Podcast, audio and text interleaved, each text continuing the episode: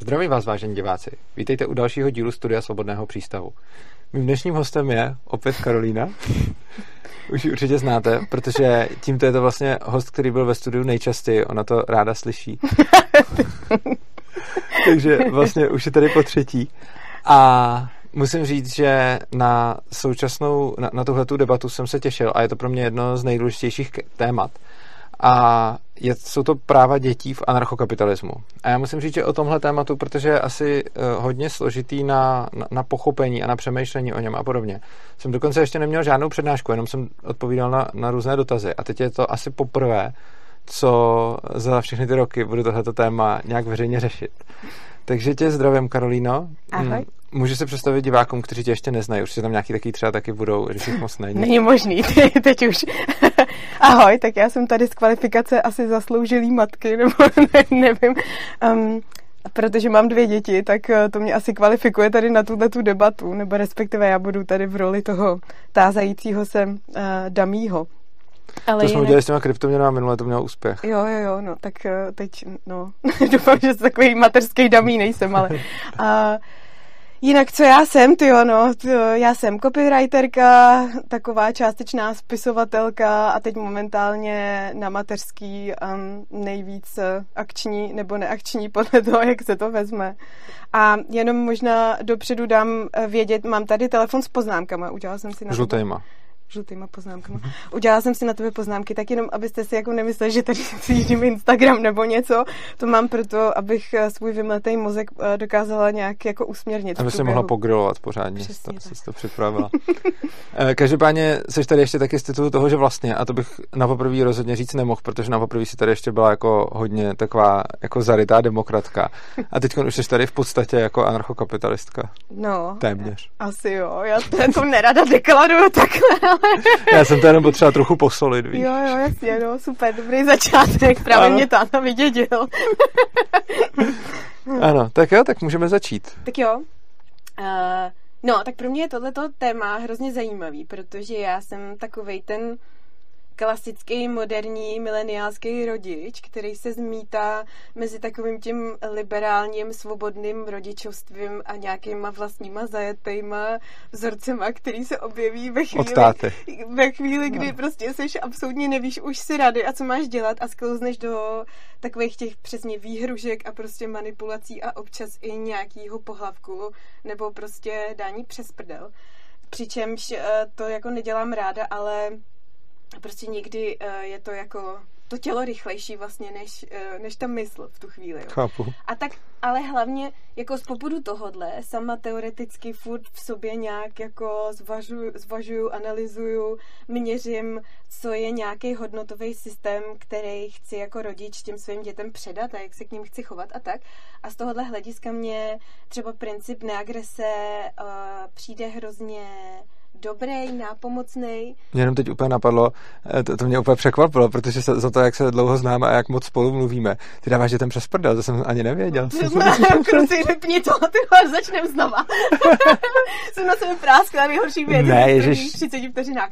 Já jsem to třeba nikdy neudělal, protože nejsem tak výbušný, ale vidím obrovský rozdíl mezi tím, když někdo nechce dávat dětem přes prdel a udělá to, eh, protože to, a je to podle mě něco úplně jiného, než když někdo chce dávat dětem přes prdel a myslí si, že to je správný. Já předpokládám, z toho, jak spolu obecně mluvíme, že to není něco, co by si jako chtěla dělat, nebo no. jo. Já, já, jsem se to tak myslel, jenom mě překvapilo, že, že, že to jako a se děje. to, to řeším, že jo? Jasně. Protože um, prostě často v sobě bilancuju to, že mám nějaký jako teoretický princip nebo hodnoty, který chci a vím, že si jima chci řídit a že je chci i předávat a pak narazím na tu praxi často v tom, Jasně. že sama nemám spoustu věcí zpracovaných samozřejmě, no, samozřejmě. a ve chvíli nějaký zátěže to rupne, já jsem ještě navíc cholerik, takže prostě vylítnu a, a jako Mela je um, ale úplně tě chápu, já jsem jako nikdy eh, jako fyzicky na, jako na děti nesáhnul, ale taky kolikrát, když potom jsem byl v úzkých, tak jsem dělal věci, které jsem dělat nechtěl. Takže to, to úplně znám, že prostě jenom se každý projevujeme jinak. Já, já nemám moc jako sklony k nějakému fyzickému tomu, já jsem to nikdy jako neměl k tomu moc vztah ale taky jsem dělal spoustu věcí, které si myslím, že bych jako rodič dělat neměl, akorát prostě v tu chvíli to člověk nezvládne. No, takže, no, no, přesně. Takže plně chápu. Je to důsledek nějaký bezmoci v té dané no, situaci, kdy už vlastně máš pocit, že jsi vyčerpal jako všechny um, věci který, a nástroje, který máš k dispozici, tak prostě sklouzneš k nějakým automatismům, který víš, že neplatí, dlouhodobě nefungujou ale krátkodobě jo, že jo. Mimochodem, že ti do toho pořád takhle vstupuju, já vím, že se ještě jsme se vlastně dostali k právě mě ten Anka, mě to přijde hrozně zajímavý. mě přijde hrozně zajímavý, to mě jenom napadlo. Uh, přijde mi, že vlastně uh, hodně často, když se bavím třeba na internetu s lidma, kteří právě zastávají trestání dětí, třeba i fyzický trestání dětí a podobně, tak je to často z důvodu, že oni říkají, že třeba na nic jiného neslyší, nebo že nic jiného mm-hmm. nefunguje, nebo že neexistuje žádný jiný způsob. A já osobně si myslím, že to, že žádný způsob najít nemůžeme, neznamená, že, hmm. ne, neznamená, že neexistuje. A přijde mi, že spousta těch věcí lze udělat mnohem líp, ale třeba já taky kolikrát nevím jak. Takže nejčastější argument, když třeba se nějak vyjádřím proti fyzickému trestání dětí, mi řeknou, a jak by si řešil situaci, mm-hmm. kdy? A já kolikrát řeknu, to já nevím. Uh, jako, já jsem se nikdy během svojí výchovy nedostal do situace, kdybych musel jako aplikovat fyzický trest, nebo jsem neviděl jinou cestu ale samozřejmě nemůžu nikdy říct, jako jak bych reagoval v které situaci a jaký je správný řešení. Jenom mi přijde, že vlastně celkově to trestání je spíš jako rezignování, jako přijde mi, že buď chci, aby to dítě pochopilo, co dělá a dělalo to jinak z vlastního rozhodnutí, hmm. což je podle mě to jako, správ, jako ta správná cesta, že chci, aby to, to dítě hlavně pochopilo, a nebo chci, aby to hlavně přestalo dělat a pak ty tresty jako fungujou, ale přesně je to z mýho pohledu jako už selhání mě jako rodiče, kdy už nevím, jak to vysvětlit, tak jdu trestat a přijde mi, že spousta lidí si právě myslí, že to nejde vysvětlit hmm. a tím pádem potom jim přijde trestání logicky jako správný, protože ono má aspoň ten efekt, že to dítě to potom přestane dělat. No, tak je, to je zajímavý, že tohle říkáš, protože já jsem třeba byla dokonalý rodič, dokud jsem žádný děti neměla. Pak jsem byla docela dobrý rodič, dokud jsem měla jedno dítě a teď mám dvě děti a jako přijdu si za celou tu dobu jako nejhorší rodič do posud, jo.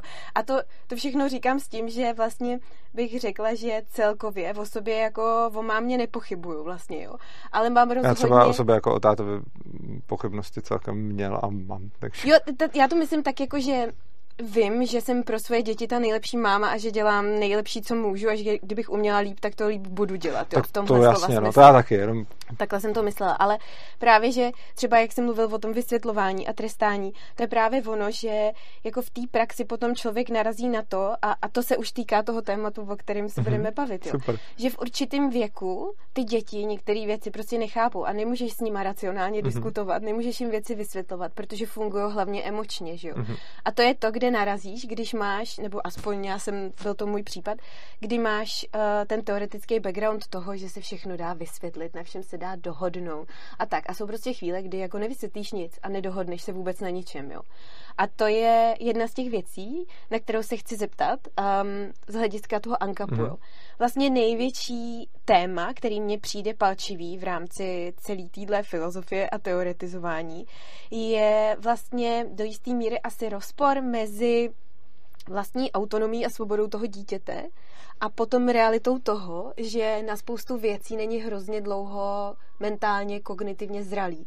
A že ty z pozice toho rodiče prostě musíš dělat minimálně do určité doby rozhodnutí za něj, ať už se to týká jeho těla, jeho zdraví, ať už se to týká jeho psychiky, toho, kde prostě fyzicky bude, vůbec to, jak ho vychováváš, že mu předáváš nějaký hodnoty, že jo, což jsou i věci nevyhnutelné, to prostě se bude dít, ať se stavíš na hlavu, jak chceš, jo. Takže mm, to možná je moje první otázka na tebe, jako kde a jak ty vnímáš v rámci Ankapu tuhle tu hranici, kde začíná a končí vlastní autonomie, svoboda toho dítěte, právě v návaznosti na to, že prostě některé věci si nemůže rozhodnout samo. A kdo je teda může legitimně rozhodovat za něj a do jaký míry? Jasně. Hele, já bych možná na začátek té eh, odpovědi uved, eh, zejména pro diváky, možná i trochu pro tebe, když u tebe si myslím, že to, ne, že to jako tušíš. Eh, jedna věc je, jaký máme my dva třeba tady názory na výchovu a druhá věc je, jak je to s právama dětí v anarchokapitalismu jo. jako takovým. Takže třeba to, co jsem tady říkal, říkal před chvílí, jsou čistě moje osobní názory a pokud má někdo jiný názory, tak to neznamená, že to nejsou názory slučitelné s ANKAPem, ale ani to neznamená, že tyhle ty moje názory rovná se ANKAP. To je něco, co, co potřebuju zdůrazňovat, zdůrazňuju to často, ale ne vždycky je to z toho mm-hmm. zjevný a lidi si často myslí, že moje názory jsou totožní s tím, co je mm-hmm. ANCAP, což rozhodně není pravda. Takže já mám sice nějaký dost jako řekněme poměrně jasný, nebo jako poměrně jako možná i radikální by se dalo říct názory na jako výchovu dětí, ale zároveň ty názory se nerovnají. Ankapu, byť jsou s ním kompatibilní, ale kompatibilní s Ankapem jsou i, i jiný názory, takže že to není vlastně, vlastně jedině tohle. Eh, co se týče hranice, kdy si, kdy si za sebe dítě rozhoduje, no já si myslím, že princip neagrese, a teď, teď zase je potřeba uvést, že budu říkat, tady už říkám názory na ANCAP, ale jsou to moje názory na princip neagrese. A třeba Marie Newton Rosbart, vlastně duchovní otec anarchokapitalismu, eh, ten prohlašoval dítě za vlastnictví rodičů, dokud se ekonomicky ne, mhm. neosamostatní. Jo. Takže třeba jako jsou anarchokapitalisti, kteří mají doslova tenhle ten názor. Jako rodič vlastní dítě a když se dítě ekonomicky osamostatní, tak se dítě vlastní sám. Vlastní ve smyslu, pardon, jako majetku vyložení. Jako, že vyložení majetku, něj, ano. Jako, že, že, za něj prostě rozhoduješ a že, že je to jako tvůj majetek, podobně mm-hmm. jako mhm. když máš třeba zvíře nebo něco takového. Já třeba se to, s tímhle tím nesouhlasím, ale jenom říkám, že byť anarchokapitalisti jsou jako extrémně vzájemně sourodá skupina v tom smyslu, že jsou jako vzájemně hodně konzistentní, snad víc než zastánci jakýhokoliv jiného směru, tak ani mezi anarchokapitalisty není vlastně 100% schoda na všem a jsou některé jako oblasti, ve kterých se rozcházíme. Takže prostě Rothbard, první anarchokapitalista, tvrdí, dítě, tvrdil, dítě je eh, majetkem rodičů, dokud se ekonomicky neosamostatní. Já třeba tenhle ten názor úplně nemám a myslím si, že princip neagrese se vztahuje na úplně každou mm-hmm. bytost, včetně, včetně toho dítěte a to už úplně od malička. Nicméně si myslím, že to ještě neznamená, že ten rodič nemůže za to dítě v žádném případě rozhodovat a to z podobného důvodu, jak, jak říkal Rosbart, tam je důležitá podle mě ta ekonomická nebo celková soběstačnost toho dítěte, jenom si nemyslím, že rodič by ho do té doby vlastnil. Mm-hmm. Myslím si, že mezi rodičem a dítětem do té doby ex- existuje nějaká, uh, nějaká implicitní smlouva, která znamená, že ten rodič se o, o něj stará z, za nějakých podmínek a ten rodič, protože tomu dítěti zajišťuje, mm, já nevím, eh, zajišťuje mu bezpečí, ochranu, obydlí, stravu a všechny tyhle ty věci. No, přežití vlastně. Vlastně mu, ano, přesně tak, jo, zajišťuje mu přežití. Tak když mu zajišťuje přežití, tak potom to přežití probíhá v nějakém prostoru, mm. kde ten rodič to vlastně vlastní, takže ten, ne, nebo si to pronajímá, to je jedno, ale prostě oni někde s tím dítětem žijou a ten prostor je buď toho rodiče, že, že, že ho vlastní, anebo je pronajatý tím rodičem. Každopádně tam platí pravidla toho rodiče. Já teď pro, pro zbytek diskuze asi budu prostě vycházet z toho, že rodič vlastní ten prostor, protože to je jednodušší, když se ho pronajímá, tak je to nějaký průnik pravidel majitele a, a pronajímatele, ale prostě to, to sem nechci tahat. Takže předpokládejme, že se bavíme o, o tom, že rodič má nějaký dům nebo byt a v tom žije s dítětem.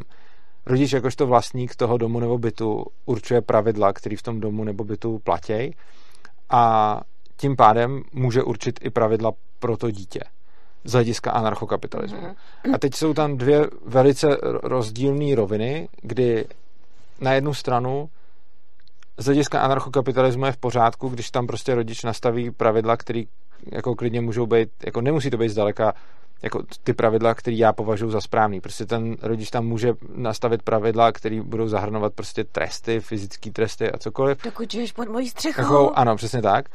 A, ale zároveň to taky nemusí tak být. Jo? Ten anarchokapitalismus je vlastně nějaký společenský systém, který spíš upravuje jako nějaký nutný minimum, co by lidi, jak, jak by se lidi k sobě, eh, co by mhm. neměli dělat ale potom už dále jim jako nediktuje, jak mají žít a není to yeah. sociální inženýrství. Což znamená, že vlastně potom po, po, v té svobodné společnosti, ta společnost je decentralizovaná a svobodná, protože si tam každý vlastně může žít podle vlastních pravidel, dokud neútočí na, na druhýho. A v tu chvíli ten rodič si může určit své pravidla a já to vidím velice podobně, jako kdyby, ten, eh, kdyby to byla dohoda mezi dvěma dospělýma, tak je to podobný. Prostě já můžu v anarchokapitalismu v souladu s principem neagrese si k sobě domů pozvat kohokoliv, eh, kdo, kdo s tím nějak souhlasí a tam ve svém domě si můžu nastavit jakýkoliv pravidla a já když ho živím, já když ho prostě mm-hmm. mu zajišťuju přežití, tak uh, platí moje pravidla na tom místě, kde, kde jsme. No ale mm, ten vztah přeci není definovaný místně, že jo? Ty s tím dítětem nejseš jenom v tom bytě, jo. ty seš s ním i v prostoru otevřeným a ano. všude možně jinde, kde teoreticky teda platí za pravidla někoho jiného, nebo? Máš pravdu a tím se vlastně dostaneme, tím vlastně vyřešíme i ten nájem, já jsem ho vlastně z toho vyhodil, ale ono v tom nájmu je to potom úplně stejný, jako když se s tím dítětem někde jinde mezi tebou a tím dítětem je pořád ta implicitní smlouva, kdy ty mu zajišťuješ přežití a ono následuje eh, nějaký tvoje pravidla. Mm-hmm.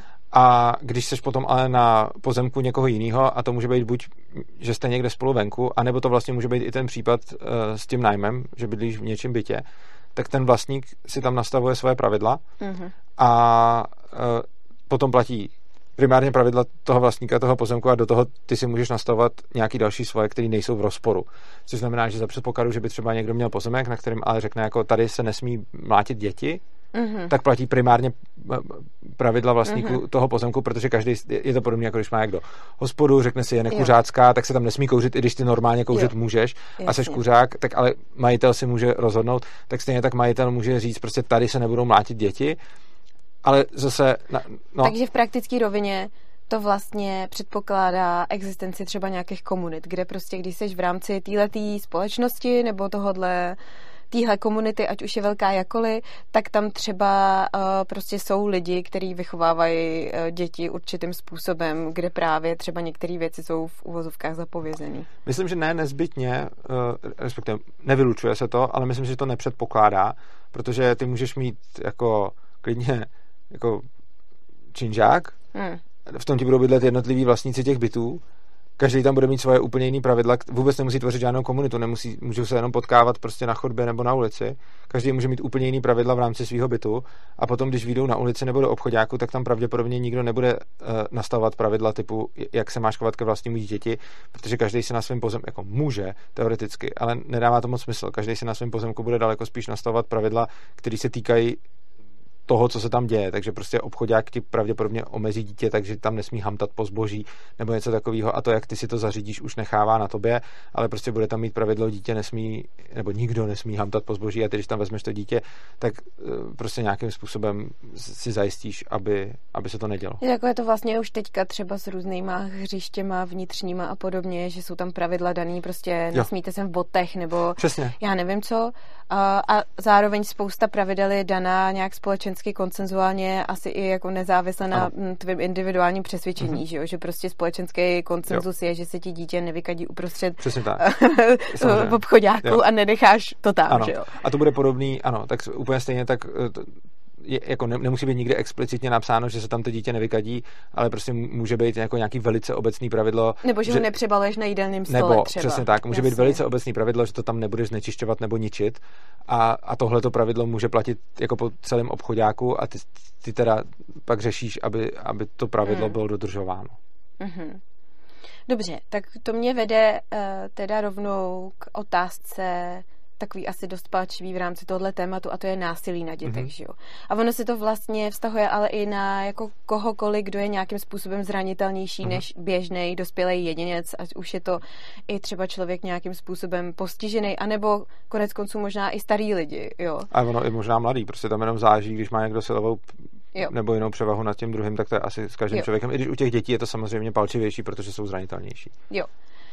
Um, jak by Anka břešil nebo jak řeší vůbec um, spíš ten princip neagrese asi jo. to, že některý rodič teda má pocit, že uh, správná výchova je výchova, která používá nějaký jako tresty fyzický a dejme tomu nejsou to um, nejsou to vyloženě, jako není to vyloženě týrání třeba, mm. to, na tom se asi všichni shodneme, že to je proti principu neagrese a to zase jako je asi další separátní debata, jo. kdo by tohle řešil, jak by to řešil, to no, by na se tom, řešilo. To, to, to, je dobrá otázka a na tom hodně záleží potom, jak se na to, jak se na to člověk podívá. Uh, zase, když bychom vyšli třeba z toho, že to dítě by bylo, a to já si nemyslím, ale kdybychom vycházeli z toho, že to dítě je majetkem těch rodičů, tak v téhletý, jako v tomhletom nastavení by potom, by potom tomu dítěti mohl ubližovat, protože to je jeho majetek a nebylo by to v rozporu s principem neagrese, protože by byl jeho majetek. Já si tohle teda, já si tohleto teda nemyslím. Na druhou stranu zase ono, teda. na druhou stranu ono zase je jedna věc, která se často, jako často se řeší a je to taková oblíbená libertariánská otázka už jako první takový ten level, kdo by stavil silnice a potom o něco vyšší level, když už se o tom baví dál, je, co kdyby, ne, je oblíbená, co kdyby někdo nechal vyhladovět svoje dítě. Mm-hmm. A mně se teda hrozně líbí, já pak na to samozřejmě odpovím jako vážně, mně se hrozně líbilo, když někdo tuhle tu otázku položil panu Kubičkovi, což je jeden libertarián z naší jako české komunity a on na to řekl, vyhladovět, pokud vy, jako vyhladovět své dítě, toho pravděpodobně nebudete schopen a pokud budete, tak evolučně vymřete.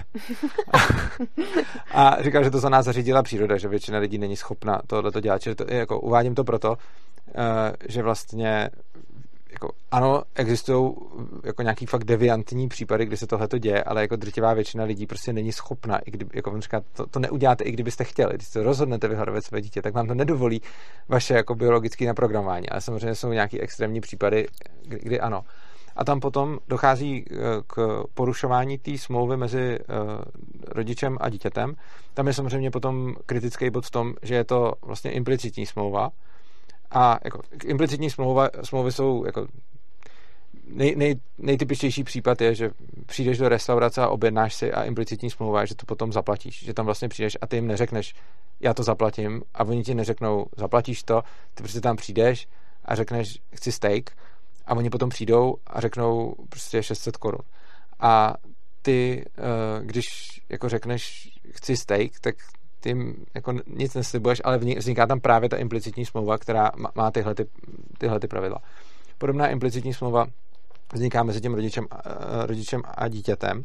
A tam samozřejmě potom ale e, nelze jako jednoznačně říct, kde je nějaká hranice toho, hmm. kde ta implicitní smlouva je porušena nebo není právě proto, hmm. že je implicitní a není někde jako kodifikována, což znamená, že potom v, tuhle, jako v tenhle okamžik, kdy se něco takového začne dít, tak samozřejmě je potom podobně jako v dnešní době, je na okolí, aby nějakým způsobem zasáhlo. To, to, je, to je podobný případ jako dneska.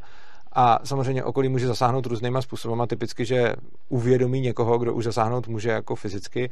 V dnešním případě je to třeba nějaká policie, v anarchokapitalistické společnosti to může být nějaká třeba bezpečnostní agentura a samozřejmě může být, já nevím, jako samozřejmě se vyrojí spousta otázek, jak by se to platilo, což jako nechci to tady řešit dlouze, a když jsem to nakous, tak prostě za prvý by to mohl platit ten, kdo ji zavolá, za druhý ta bezpečnostní agentura by mohla tuhle tu službu poskytovat jako relativně levně, případně skoro až zdarma, protože je to pro ní dobrá reklama a není to zas tak častý případ, kdy se to řeší, takže je to, je to pro ní výhodný, může to poskytovat jako může poskytovat i svým zákazníkům, že když vy vidíte, že dochází ke zločinu, tak nás můžete taky kontaktovat, k čemuž mají taky nějaký motivace, tohle to hodně rozebírám jako v článcích a přednáškách o tom, takže kdo, kdo pochybuje, jak se může, může najít, najít ty přednášky, kde vysvětlil, proč by se vlastně té agentuře vyplatilo zasahovat, i když její zákazník upozorní, že vidí bezpráví, který se neděje přímo jemu.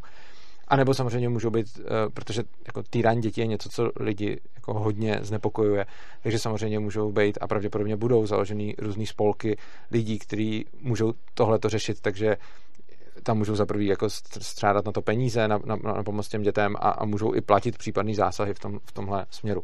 Každopádně to, co se potom stane, je, že teda někdo, buď nějaká bezpečnostní agentura, nebo nějaký jedinec, nebo něco, když uvidí prostě něco takového, tak může zasáhnout a následně a buď následně nebo předtím o tom rozhoduje nějaký soud. Je to podobně jako teď, když prostě by asi docházelo k tomu bezpráví, který by bylo velký a bylo by vidět, že to dítě už nějak fakt trpí a že třeba je mu jako fakt jako už hardcore ubližováno, tak se může udělat to předběžné odebrání podobně jako teď, že tam prostě někdo jako vlítne, třeba ta bezpečnostní agentura a to dítě prostě ochrání uh-huh. a za předpokladu, že by uh, třeba jako někdo měl podezření a nebyl si jistý, tak přesně se na ně může obrátit a potom následuje nějaká, já nevím, detektivní, detektivní práce a podobně, která má za úkol jako zjistit, jestli je, nebo, nebo jestli došlo nebo nedošlo k porušení uh, nějakých práv toho dítěte, respektive k porušení ty implicitní smlouvy.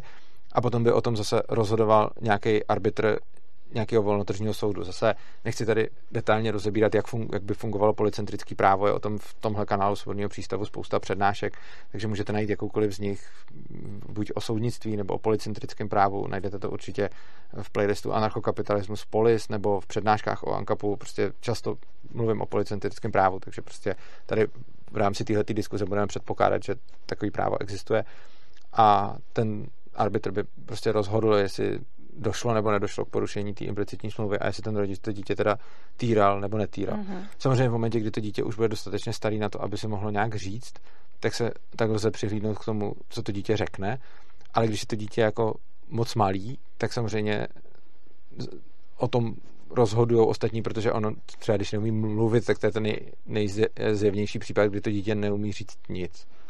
No to s tím vyhladněním mě ale přivedlo uh, k otázce, jo. Um, co se zase týče NAPu.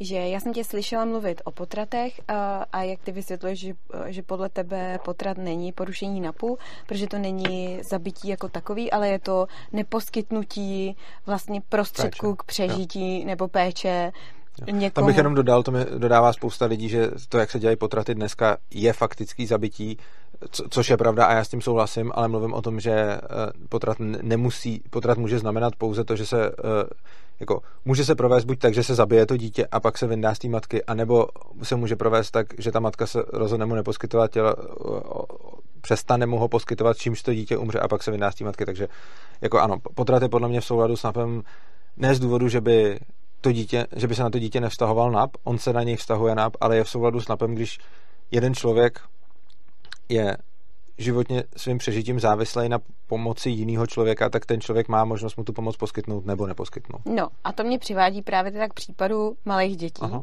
který jsou prostě existenčně závislí na těch rodičích. Mhm. Jo.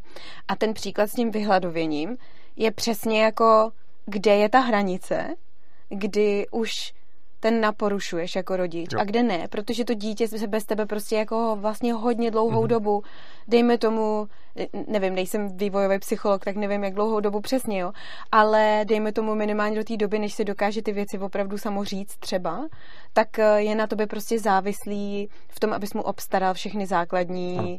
potřeby k přežití, jo. A když ty um, mu je neposkytneš, anebo mu je poskytneš jenom do té míry, že prostě jako přežije o, o chlup, tak s tímhle s tím si ten princip poradí jak? No, uh, tohle je něco, co vlastně ty nemáš podle principu neagre... Jo, ještě bych na začátek řekl jednu věc princip neagrese není nic, co by rozdělovalo věci na dobrý a špatný, takže mm. je mhm. spousta špatných věcí, které jsou v souladu s principem neagrese. Ale nejsou a princip morální. Neagre, a nejsou morální. Jo. Princip neagrese je nějaký nutný minimum, řekněme, jo, jo, jo. který se dá konzistentně aplikovat. Ale dokonce v tomhle případě uh, to není tak, že vyhladovění dítěte jen tak by bylo v souladu s principem neagrese, protože ty sice nemáš povinnost se o to dítě starat, ale zároveň pokud ho pokud ho máš ve svém jako držení, řekněme třeba u sebe doma nebo, nebo někde, uh-huh. někde v péči, tak uh, on se o to dítě v důsledku toho, že ho tam jako držíš, nemůže starat nikdo jiný. Uh-huh. Což znamená, že tam potom hodně záleží na tom, uh, jestli se o to dítě starat jako... Protože jestli se o to dítě chce starat někdo jiný uh-huh. místo tebe, nebo ne. A za předpokladu, co si nemyslím, že by se úplně stalo, že by se o to dítě nikdo nechtěl starat, ale ono by se to taky mohlo stát v nějaké situaci, jako já nevím, když bude třeba fakt nějaká válka nebo nějaká hodně bída, nebo prostě fakt nebude dost třeba potravin, nebo fakt, fakt to nepůjde, tak potom samozřejmě budou ty dě, děcka umírat, protože se o ně ty rodiče nebudou schopní postarat, ne proto ani, že by nechtěli, no, ale protože prostě nemůžou. Nějakýma vnějšíma vlivama. Přesně tak. Způsobený. Ale v bohatý a rozvinutý a prostě společnosti, kde je dostatek prostředků, tak v takové společnosti je, jako nechtějí lidi nechávat umírat děti, což znamená, že potom tam, když se o to dítě nechceš starat, tak si myslím, že máš, máš jako v rámci NAPu, ty se o něj nemusíš starat, k tomu tě nikdo nemůže nutit, ale v rámci NAPu máš povinnost ho nenechat jen tak uvřít za předpokladu, že tam někdo jiný, kdo, kdo, mm. kdo, kdo ho chce kdo by se o něj postaral, což podle mě vyplývá z té tvojí implicitní smlouvy eh, na tu péči o to dítě. Což znamená, že ty eh, jako za předpokladu, že by si že by prostě to fakt nešlo a nebyly by zdroje, tak ho prostě necháš vyhledovat, protože ti nic jiného nezbývá a princip neagrese tě jako nenutí, aby si umřela místo toho dítěte nebo, nebo něco takového. Na druhou stranu, za předpokladu, že ty zdroje v té společnosti jsou, tak ty bys to dítě měla umístit třeba do nějakého babyboxu nebo někam, Eh, kde se o něj někdo postará, kdo se o něj postarat chce. Mm-hmm. A tohle to si myslím, že eh, ale jako rozhodně si myslím, že ty nemáš jako v souladu s principem neagrese povinnost se o to dítě starat. Na druhou stranu zase rád bych zmínil, že jsou zase jiní anarchokapitalisti nebo libertariáni nebo voluntaristi. Teď, se, teď mám zrovna uh, takovou sérii kolů uh, s Matthewem Sensem, z Nations of Sanity Project, s kterým tady mluvíme jako v angličtině a taky to vychází na tomhle kanálu. A ten právě tvrdí, že podle něj, je, eh, podle něj princip agrese říká, že se o to dítě dokonce musí starat, že ti dokonce udává povinnost se o něj starat, takže zase jako z hlediska dětí jsou, jsou tam jako nejednotnosti, kdy prostě rozbar přímo říká, je to tvůj majetek, já říkám, není to tvůj majetek, ale máš nějaký povinnosti, minimálně ho třeba jako dát někomu, kdo by se o něj postaral, když se o něj starat nechceš a pak nějaký další lidi zase řeknou, hele, jako nejenom, že to není tvůj majetek, ale dokonce máš povinnost se o něj starat. Tak tam jde totiž asi o ten záměr, že jo, hlavně, jako pokud prostě přesně to dítě jako mm, zemře hlady, protože prostě jsou to vnější vlivy, ale tvůj záměr nebyl, nebo možná byl i udržet ho naživu za jakoukoliv cenu, ale nepodařilo se to, a nebo pokud prostě to dítě vyloženě týráš tím, no, že mu neposkytuješ péči, kterou potřebuje, jo. A já tam s tím teda mám osobně morálně taky dost problém s tím, že jako není tvojí povinností mu to, to přežití um, vlastně poskytnout, nebo ty prostředky k němu mu poskytnout, protože si vlastně nejsem úplně jistá, jestli neexistuje i něco jako pasivní agrese, která je přesně, funguje na tomhle principu, jo? že prostě ty jsi v té pozici moci, vůči někomu, kdo je slabší vůči tobě a neposkytneš mu věci, který víš, že potřebuje pro vlastní přežití, to přece je taky nějaký druh agrese jistý, která se neprojevuje nutně tím, že prostě vemu baseballovku a někoho praštím po hlavě, ale výsledek je víceméně stejný. Prostě ten člověk nepřežije, že jo? No, na tohle mám trošku jiný názor. Já bych to rozhodně nenazýval agresí. A vrátíme se potom k těm dětem, ale tenhle ten příklad je mnohem obecnější. Jo. Uh, jdeš po ulici a vidíš tam ležet krvácejícího člověka. Můžeš a vidíš, že umírá a nikde nikdo jiný není. Tak jo. tam přijdeš a pomůžeš mu a on přežije a třeba i víš, jak mu pomoct, třeba je to easy. A nebo prostě jdeš dál a on, on, tam, on tam vykrvácí.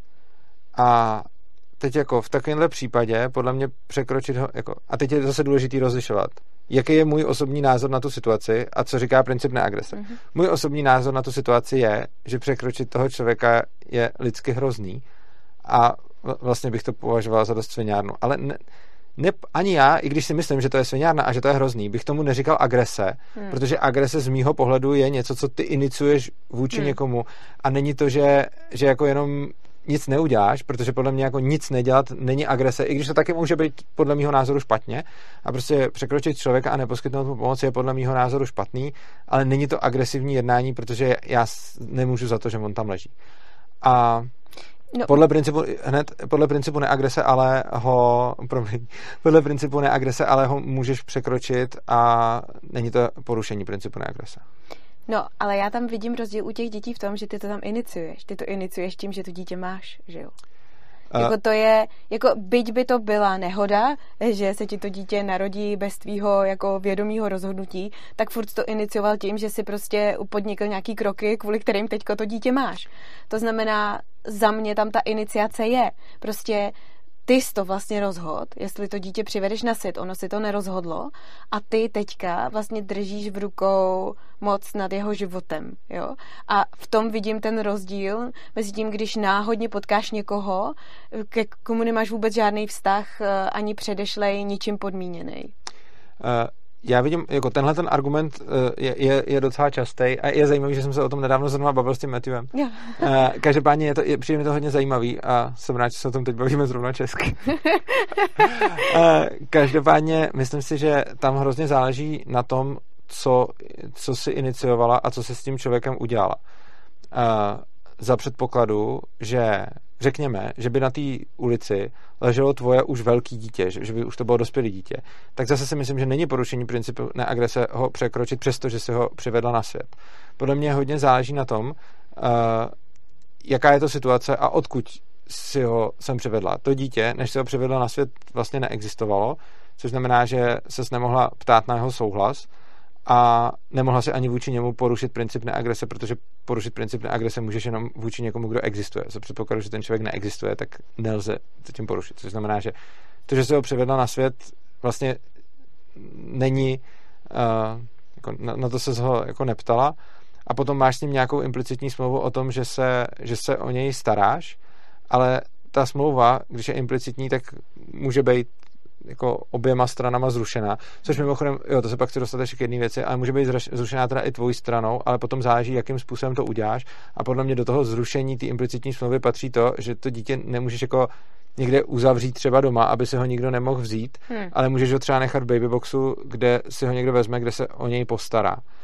A samozřejmě, když ale žádný babybox není ani nic takového, tak ty tohle to nemůžeš udělat, takže i když jako tam jde o to, jako co pro to přežití jako musíš poskytnout, ale tím, že to, ty jsi se jako nikomu nezavázala, že se o to dítě budeš starat pět let, nebo deset let, nebo patnáct let, nebo dvacet let.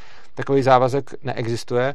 Existuje ten momentální závazek, že se, že se o něj budeš starat. Ten závazek neexistuje z toho důvodu, že když to dítě vznikalo, když se ho přiváděla na svět, tak ono neexistovalo, což znamená, že tam nemohla v té době být ta smlouva. Ta, ta smlouva vzniká až potom, když to dítě jako už je třeba v tobě, ho nosíš a tak. Ale tím ti nevzniká, vzhledem k tomu, že ta smlouva je implicitní, tak ti nevzniká jako na x let prostě dopředu a můžeš ji jako vypovědět. Ale pak tam záleží na tom, jakým způsobem tu, tu smlouvu vypovíš. Přičemž, uh, zase říkám, na to může být jako spousta různých názorů, jo, tohle, to, co já prezentuji, je jako můj výklad principu nějak se. Ale uh, pak jsem chtěl ještě říct, že ono, a to je hodně důležitý pro práva dětí v anarchokapitalismu, to, že ta smlouva je implicitní, mimo jiné znamená, že tu smlouvu může ukončit i to dítě a, ne, a ty ho nemůžeš nutit k tomu, hmm. aby s tebou žilo, pokud ono by hmm. se osamostatnilo a to i třeba, kdyby mu bylo, já nevím, 12, prostě za hmm. předpokladu, že, že 12-letý děcko se rozhodne, že nechce žít v té rodině, tak to mimochodem něco jako vypovídá asi o té rodině, když se to děcko radši rozhodne někde prostě se o sebe nějak starat na nějaký buď třeba mizerně placený brigádě, nebo někde být bezdomovec, nebo něco takového. Ale jako prostě pokud se to dítě takhle rozhodne, tak ty nemáš právo ho násilím dovádět k sobě zpátky, což je taky rozdíl oproti státní společnosti, hmm. kdy vlastně to dítě musí být do 18 let hmm. uh, zpátky vraceno těm rodičům, když si to ty hmm. rodiče přejou. Pokud, a zase je, je podle mě úplně absurdní, že je nějaká sociálka, která pak rozhoduje o tom, jestli ty rodiče teda týrají nebo netýrají, a když rozhodně, že netýrají, tak všechny ty silové složky státu vracejí to dítě zpátky tomu rodiči a jako kooperují s ním na tom. Což znamená, že pokud to dítě si připadá, že žije v tak špatném prostředí, že by radši bylo třeba bezdomovec, nebo že by radši uh, žilo někde jinde s někým jiným a tak podobně, tak i v takovém případě ho bude jako státní policie neustále vracet, dokud nějaký hmm. ospot nesezná, že tam dochází k týrání. Což podle mě je úplně špatně, a jako tím, že je ta smlouva implicitní, tak to na jednu stranu sice znamená, že ji může vypovědět ten rodič a dát to dítě do babyboxu, a na druhou stranu to taky znamená, že pokud prostě to dítě si v nějakém věku rozhodne, že bude žít někde jinde, tak eh, to ten rodič musí respektovat. A pokud se to dítě stane ekonomicky soběstačný pod jakoukoliv, a soběstačný tak, jak ono potřebuje, takže soběstačný na to, aby bylo na ubytovně, nebo soběstačný na to, aby žil v pronajmutém bytě, nebo soběstačný na to, aby bylo prostě pod mostem, kdyby mu to stačilo a kdyby to pro něj byla lepší varianta. Tak prostě v momentě, kdy se to dítě jako ekonomicky osamostatní, tak ten rodič je povinen to respektovat a nemá právo si to dítě nadále přivlastňovat, pokud, čili, ta smlouva je vlastně implicitní a je tedy z obou dvou stran vypověditelná, protože tam není daný žádný limit, do kterého uh, jako musí platit. Jo, v tomhle se shodneme. Já mám, přiznám se, problém s tou druhou stranou, s tou první stranou té implicitnosti. Mm-hmm. Já prostě jako emočně se nemůžu smířit uh, s představou, že ty jako rodič můžeš tomu dítěti v uvozovkách vypovědět smlouvu nebo se o něj přestat starat, protože najednou prostě si to třeba rozmyslíš, že zjistíš, že to jako je těžší, než jsi zbýval myslel, jo. A právě proto, že prostě do určitého věku to dítě nemůže s, s tou smlouvou dělat nic samo o sobě. No. Je tam jako pasivní hráč vlastně. A to ještě mě zase přivádí eh, k věci, kterou, abych to nezapomněla, protože to nakous a já bych to určitě jinak zapomněla. Um, zase k tomu napu ještě zpátky, jo. Je spousta rozhodnutí, který musíš jako rodič udělat do určitého věku toho dítěte, kdy ono ještě právě mm. samo si ty věci rozhodnout nemůže. A často jsou to věci, které mají co dočinění s jeho zdravím a s jeho fyzickým mm. tělem, kde vlastně do jisté míry i násilí použít musíš, protože to dítě se třeba brání nějakému lékařskému zákroku mm-hmm. nebo prostě víc očkování. Jo. Jo.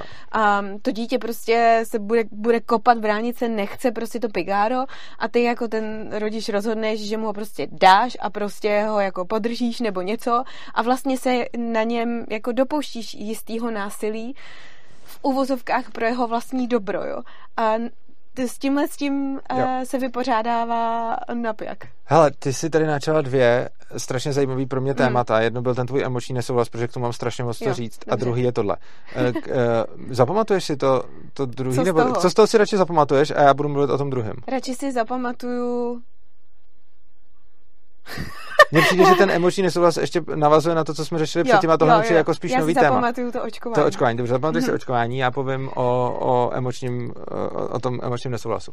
Hele, podle mě ten emoční nesouhlas pramení z toho, že z podobné věci, proč lidi absolutně explicitně odsuzují třeba dětskou práci v nějakých hmm. chudých zemích, protože si nepředstavují, jaká je reálná alternativa, ale jaká je ideální alternativa.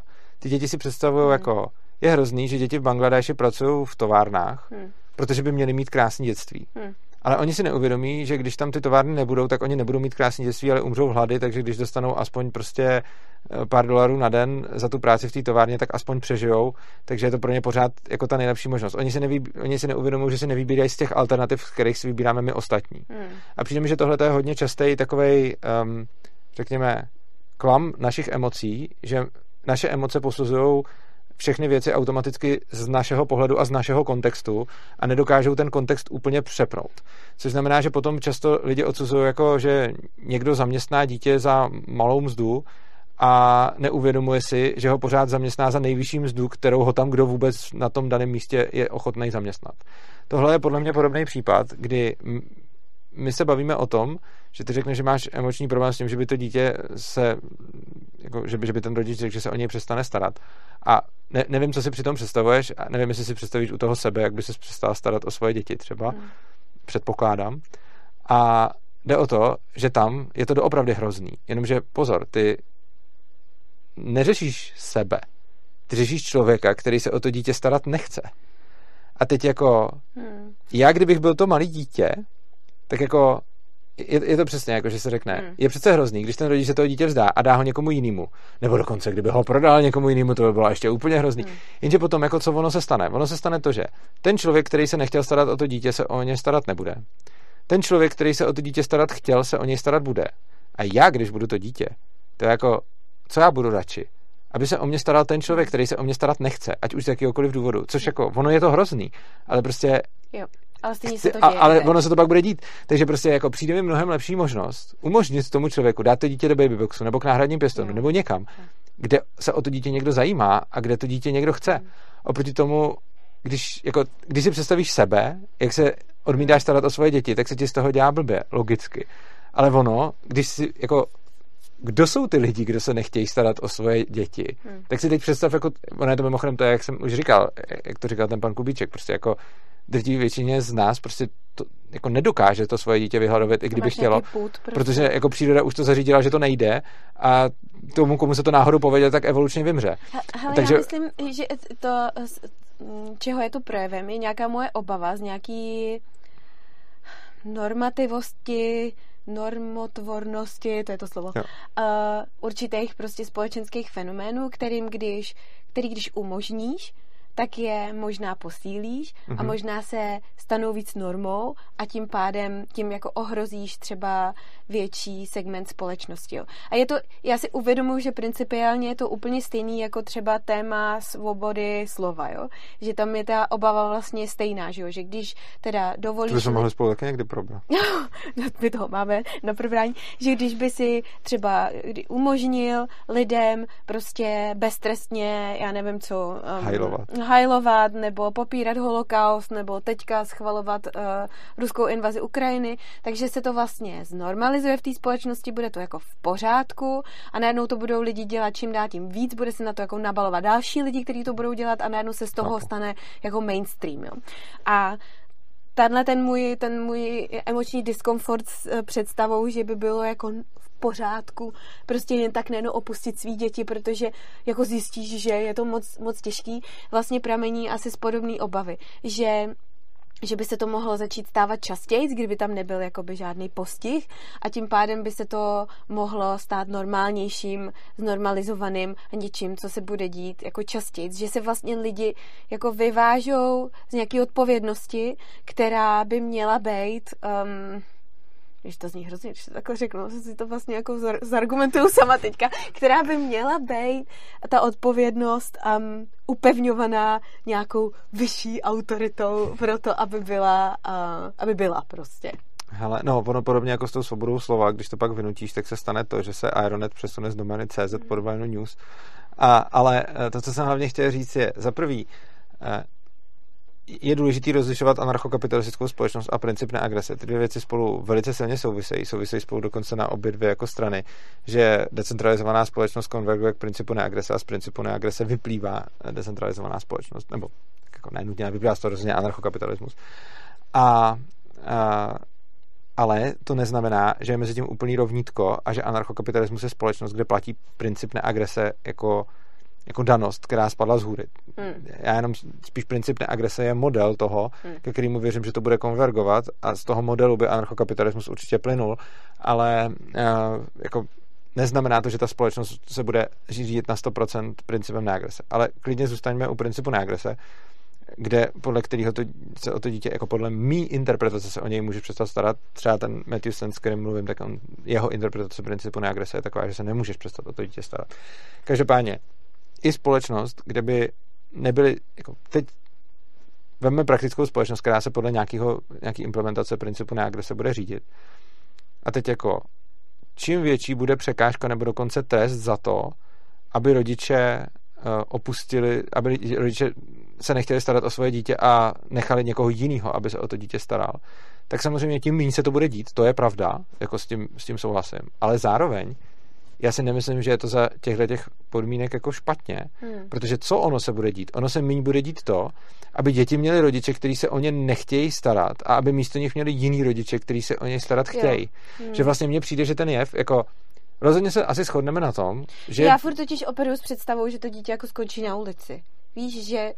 Um... No jako ona je ve společnosti spousta rodičů, anebo jo. jako i, nejde jenom o rodiče, jde i o instituce, který se prostě...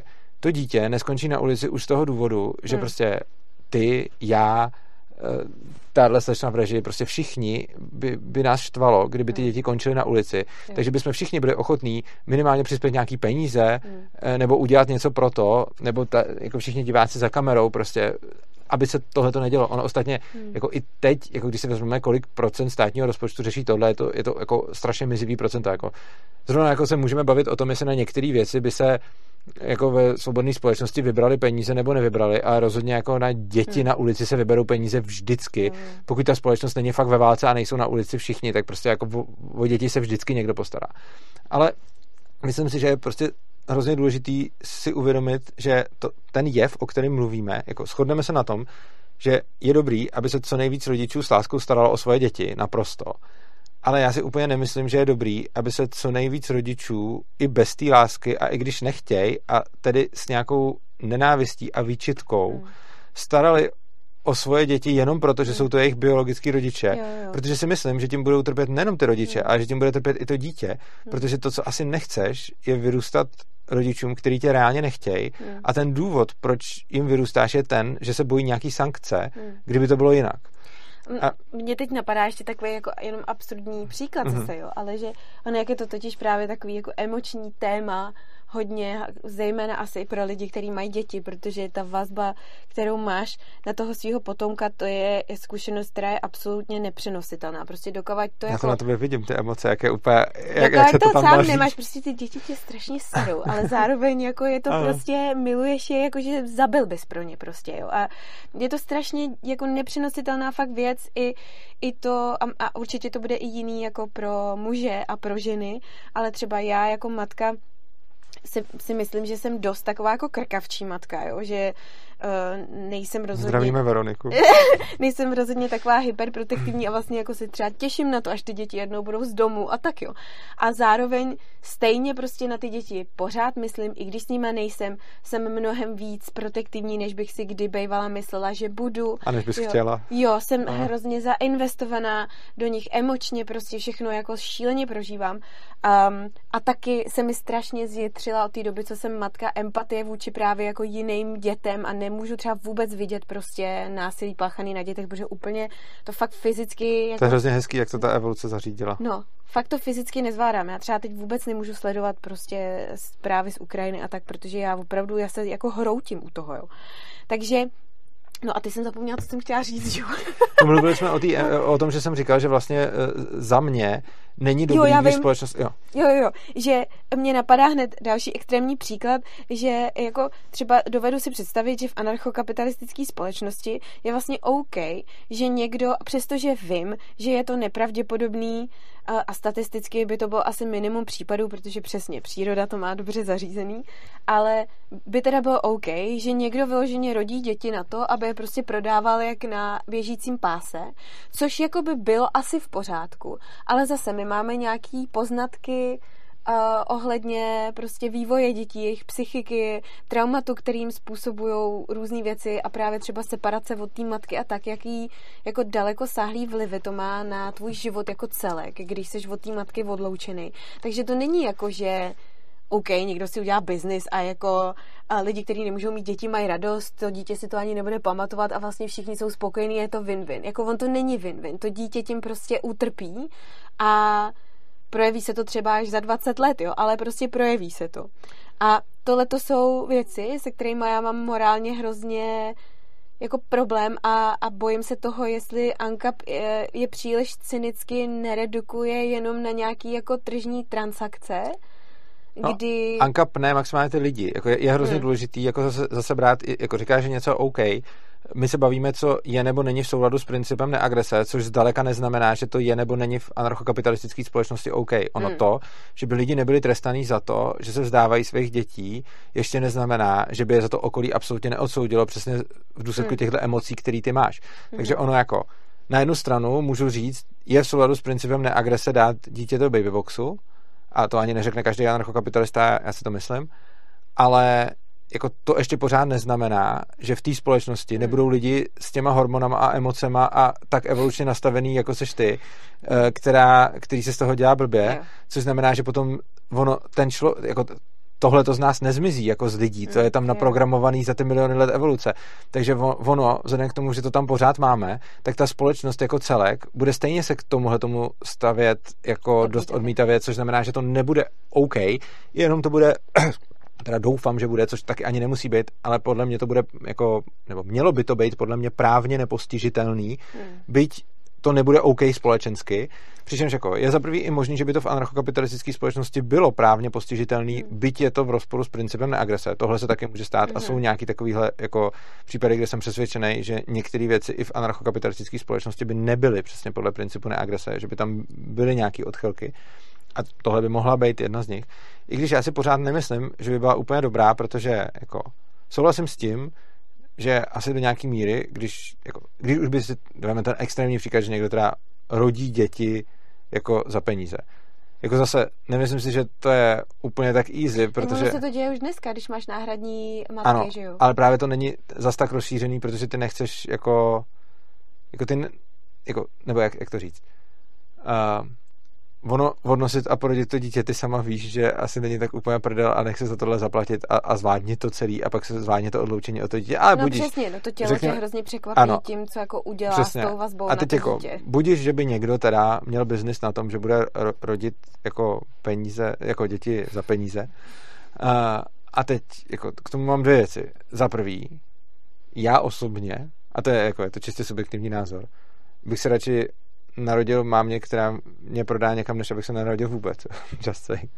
Ale uh, potom, co se týče toho, že se to nějak děje, no jako ano, to dítě asi pravděpodobně, jestli je teda prodaný, tak se nestane, že by ho ta máma asi nějakou dobu měla. Oni asi ty lidi, když už si koupí to dítě a asi za nemalý peníze, eh, tak si ho asi vezmou od té matky hned nějak... No a nebo ho může taky koupit někdo na dětskou pornografii, že jo? E, jako, k tomu bych se pak taky dostal, jakože, k tomu se můžeme... to nikdy neskončí, tohle. Ne, jako můžeme se k tomu dostat jenom jako, jako jedno po druhém. Prostě řekněme, že někdo koupí teda to, e, koupil by teda to jako dítě, který se narodí e, nějak od té matky.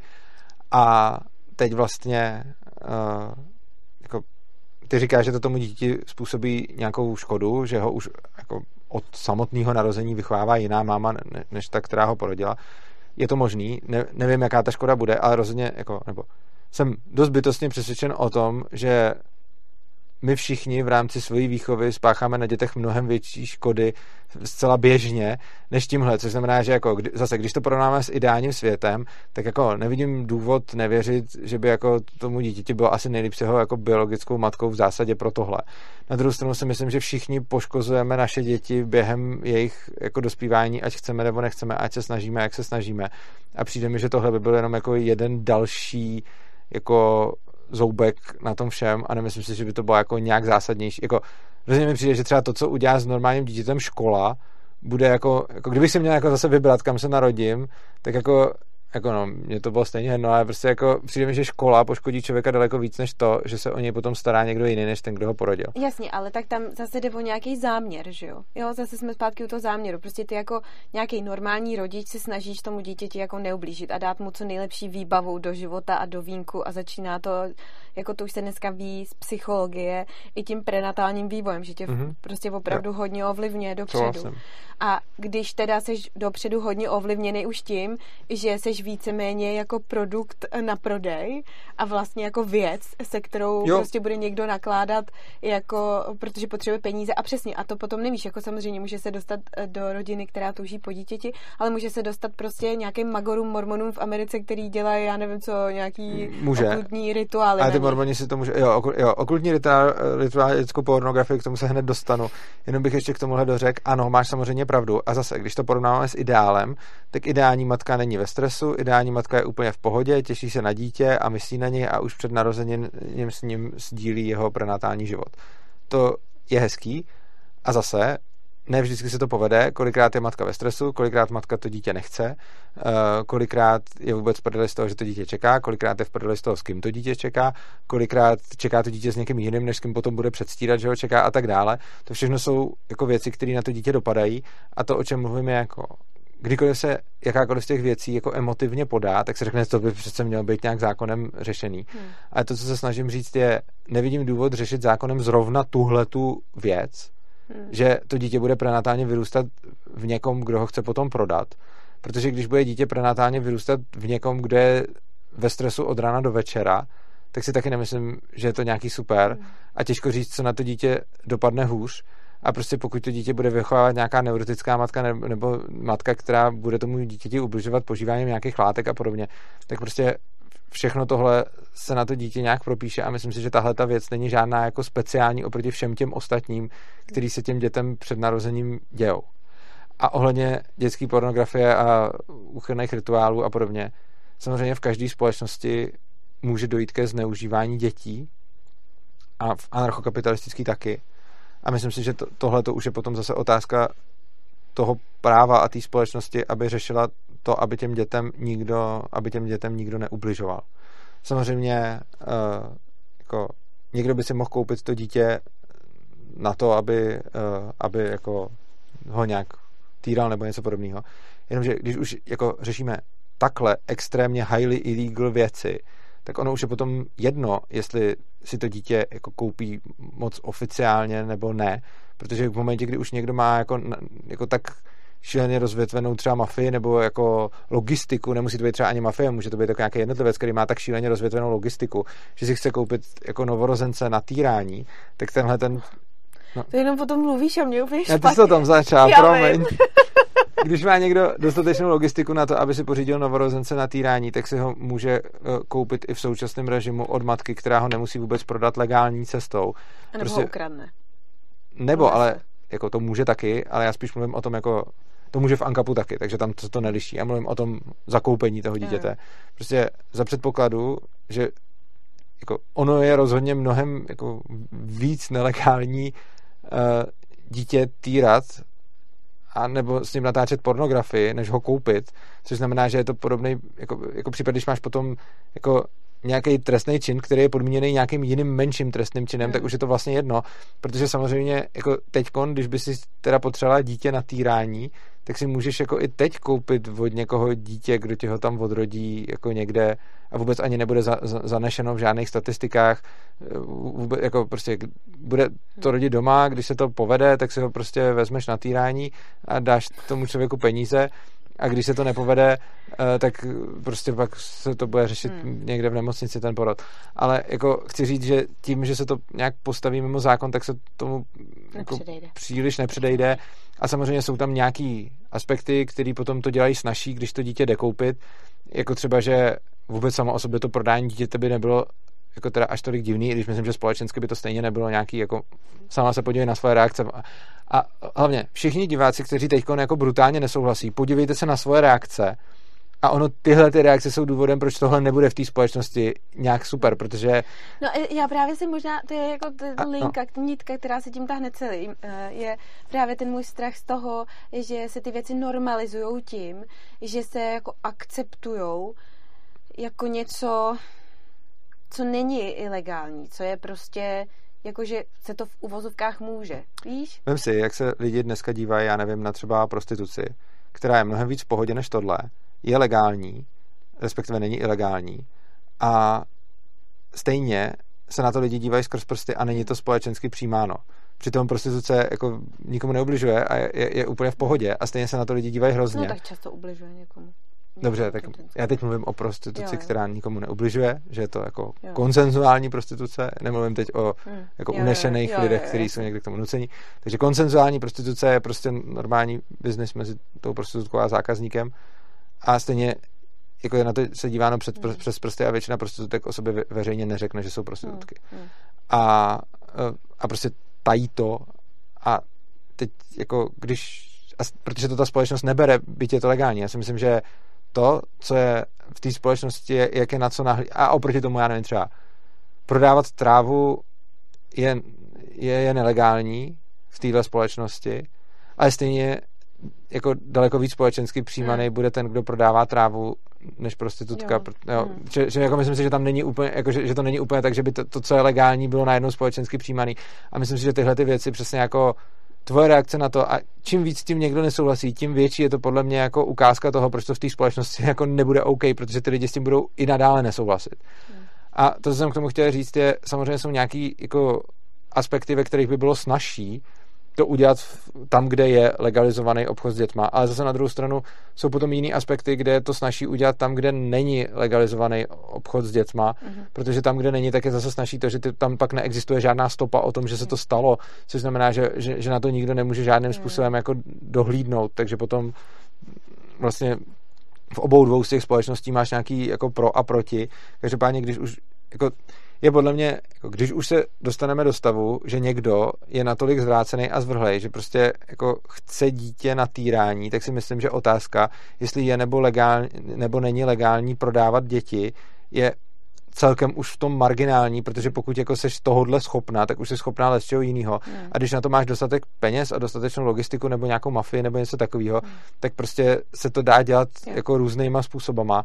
A prostě dá se ostatně i unést ta rodička a, hmm. a, a jo, takže prostě jako vlastně ostatně i tohle se dělo vlastně v naší společnosti, že občas se najde takový, jako jednak to dělají mafie a jednak eh, se občas najde případ, kdy já nevím, co to bylo, že nějaký týpek tam snad ve sklepě držel svoji dceru a s tou měl děti a s těma taky jako měl další děti a prostě tenhle ten případ přesně ukazuje jako, tomu stejně nezabráníš, i když to hmm. jako uděláš ilegální hmm. a prostě jako je, je to blbý, ale myslím si, že, to, že jako kdyby se mo- ve společnosti, kdyby se mohli prodávat děti, si myslím, že tenhle chlap by to neudělal moc jako jinak. Hmm, hmm. Očkování. Očkování, dobře. uh, hele, očkování zase začnu příkladem, který se netýká dětí a pak se z něj zase dostaneme hmm. k dětem. Uh, obecně jsou situace, kdy ty se rozhodneš, že porušíš, něčí prin- že porušíš princip neagrese vůči někomu a pak doufáš, že zpětně to bude OK. Mm-hmm. Ku příkladu, když je někde sebevrah, který se pokouší se zabít, a je to třeba tvůj kamarád, a ty, ho, ty mu v tom fyzicky zabráníš se zabít, tak si porušila princip neagrese, protože jeho právo je se zabít a ty jsi na něj zautočil. A na druhou stranu, za předpokladu, že on si to rozmyslí a třeba ti za to bude vděčný, tak s tím nebude mít problém, mm-hmm. že, že jsi ho zachránil. A potom záleží, a s těma dětma je to velice podobný, prostě princip neagrese říká, že ho nemůžeš násilím, respektive mohla bys to jako podmínit, jako, že, že, jako, že to patří do toho balíku starání se o to dítě, mm-hmm. i když tam je potom zase náročný jako za předpokladu, že je tam implicitní smlouva a to dítě ti explicitně říká, že tohle to ne, nechce, tak tam potom je teda ta smlouva nějakým, nějakým způsobem otazná. Uh, buď se můžeš mu to pokusit nějak vysvětlit, ale pokud to nejde a ty ho zároveň nechceš jako opustit, to dítě, jo, protože jako to, pokud by jsme to brali, že to dítě vy, jako že to dítě chce tu smlouvu vypovědět a ty nechceš, tak potom máš možnost jako princip neagrese prostě porušit a doufat, že se za nějakou dobu ukáže, že to bude nějak, anebo že, jako, že to bude za to stát a že ty výsledky budou jako akceptovatelné. Jinými slovy, třeba je to takový ten klasický příklad. Prostě někdo se topí v jezeře, ty neumíš plavat, ale je tam loďka, ona ta loďka není tvoje. Jako vezmeš ji a doplaveš tam jako odpověď prakticky každýho a podle mě jako správná odpověď je ano, na druhou stranu porušíš tím princip agrese ano, ale to ještě neznamená, že uh, se to potom nedá nějak jako řešit. Což znamená, že ty, když teda to dítě k něčemu fakt jako donutíš, třeba ho násilím naočkuješ a ono to, to nechce, tak lze říct, a asi, já bych řekl, že tím asi princip neagrese prostě poručíš, když, tím jako, když ti explicitně říkáš, že, že, to, že to nechce. I když tam je potom zase otázka, jak, jak je nastavená ta smlouva, takže možná bych, jako, tady je to s otazníkem a jako záleželo by asi na okolnostech a nevím přesně, jestli bych řekl, že to je nebo není porušení principu neagrese. Mm-hmm.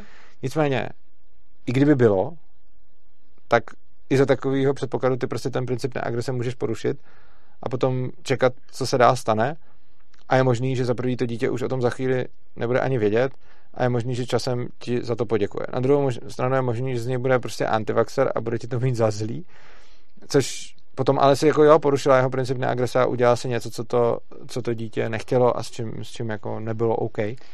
No ono vtipný je, že jako do jistý míry to rodičovství je jedno takový velký porušování principu neagrese, protože často děláš něco proti vůli toho dítěte a, a i tak vlastně jako funguje vývoj té osobnosti no toho ano, dítěte, že jo? Že, Jo, že, že je prostě v přímém rozporu s nějakýma tvejma očekáváníma nebo věcma, který máš pocit, že potřebuješ udělat pro dobro toho mhm. dítěte mm-hmm. a zase do určitého věku, anebo v určitém věku je přirozenou součástí vývoje, že to dítě vzdoruje prostě a ohmatává si hranice právě skrz to svoje vymezování jo. se, že jo.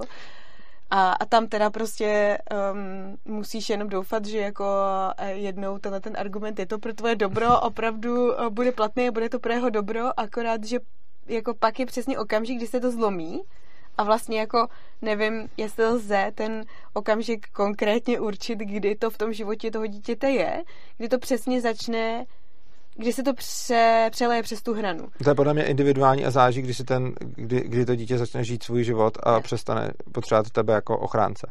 Mně ještě napadla jedna věc, jak se lze dívat na to očkování. To je jako, jako, jako druhá možnost, ke který bych se nakonec možná i klonila. Já jsem napřed dal tu jednu odpověď, teď když nad tím jako přemýšlím, tak možná spíš mi to přijde podobný jako ty fyzické tresty že s tím fyzickým trestem to dítě vlastně taky nesouhlasí, hmm. ale je to v rámci té implicitní smlouvy toho, že se, že, že se o něj staráš a to, co jako to dítě teoreticky může udělat, jako když s tím nesouhlasí, už je jako od tebe odejít.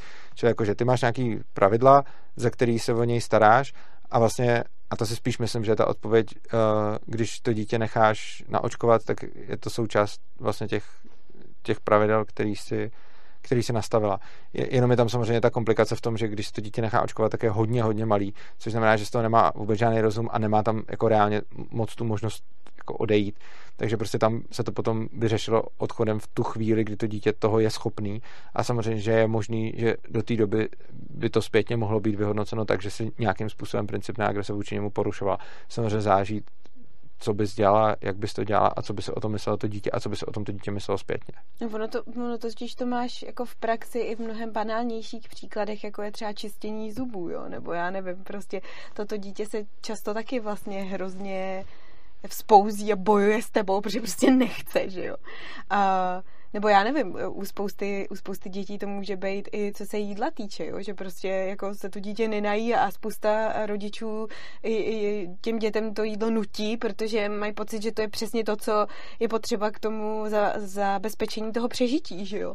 A, takže těchhle z těch um, jako třecích ploch v tomhle slova smyslu máš za den jako desítky, ne stovky v určitých okamžicích. No, já to jako chápu a prostě třeba pamatuju si, že teď někde na, na stránce děti jsou tak, lidi se řešilo čištění zubů a nucení, mm-hmm. nenucení k tomu. Uh, jako je, je, to, je to na každém. Já osobně jsem přesvědčený, že tím, že ty, a, a zase teď, teď říkám můj osobní názor, že tím, že ty děti k něčemu nutíme, na nich pácháme nějaký škody a já osobně jsem spíš příznivcem toho, jim to spíš vysvětlovat a když to nejde, tak mám daleko spíš tendenci si říkat, já jsem to jako nedostatečně vysvětlil a přemýšlet nad jinýma nápadama, než sáhnout k síle. Tohle je spíš jako takový moje přesvědčení celkově.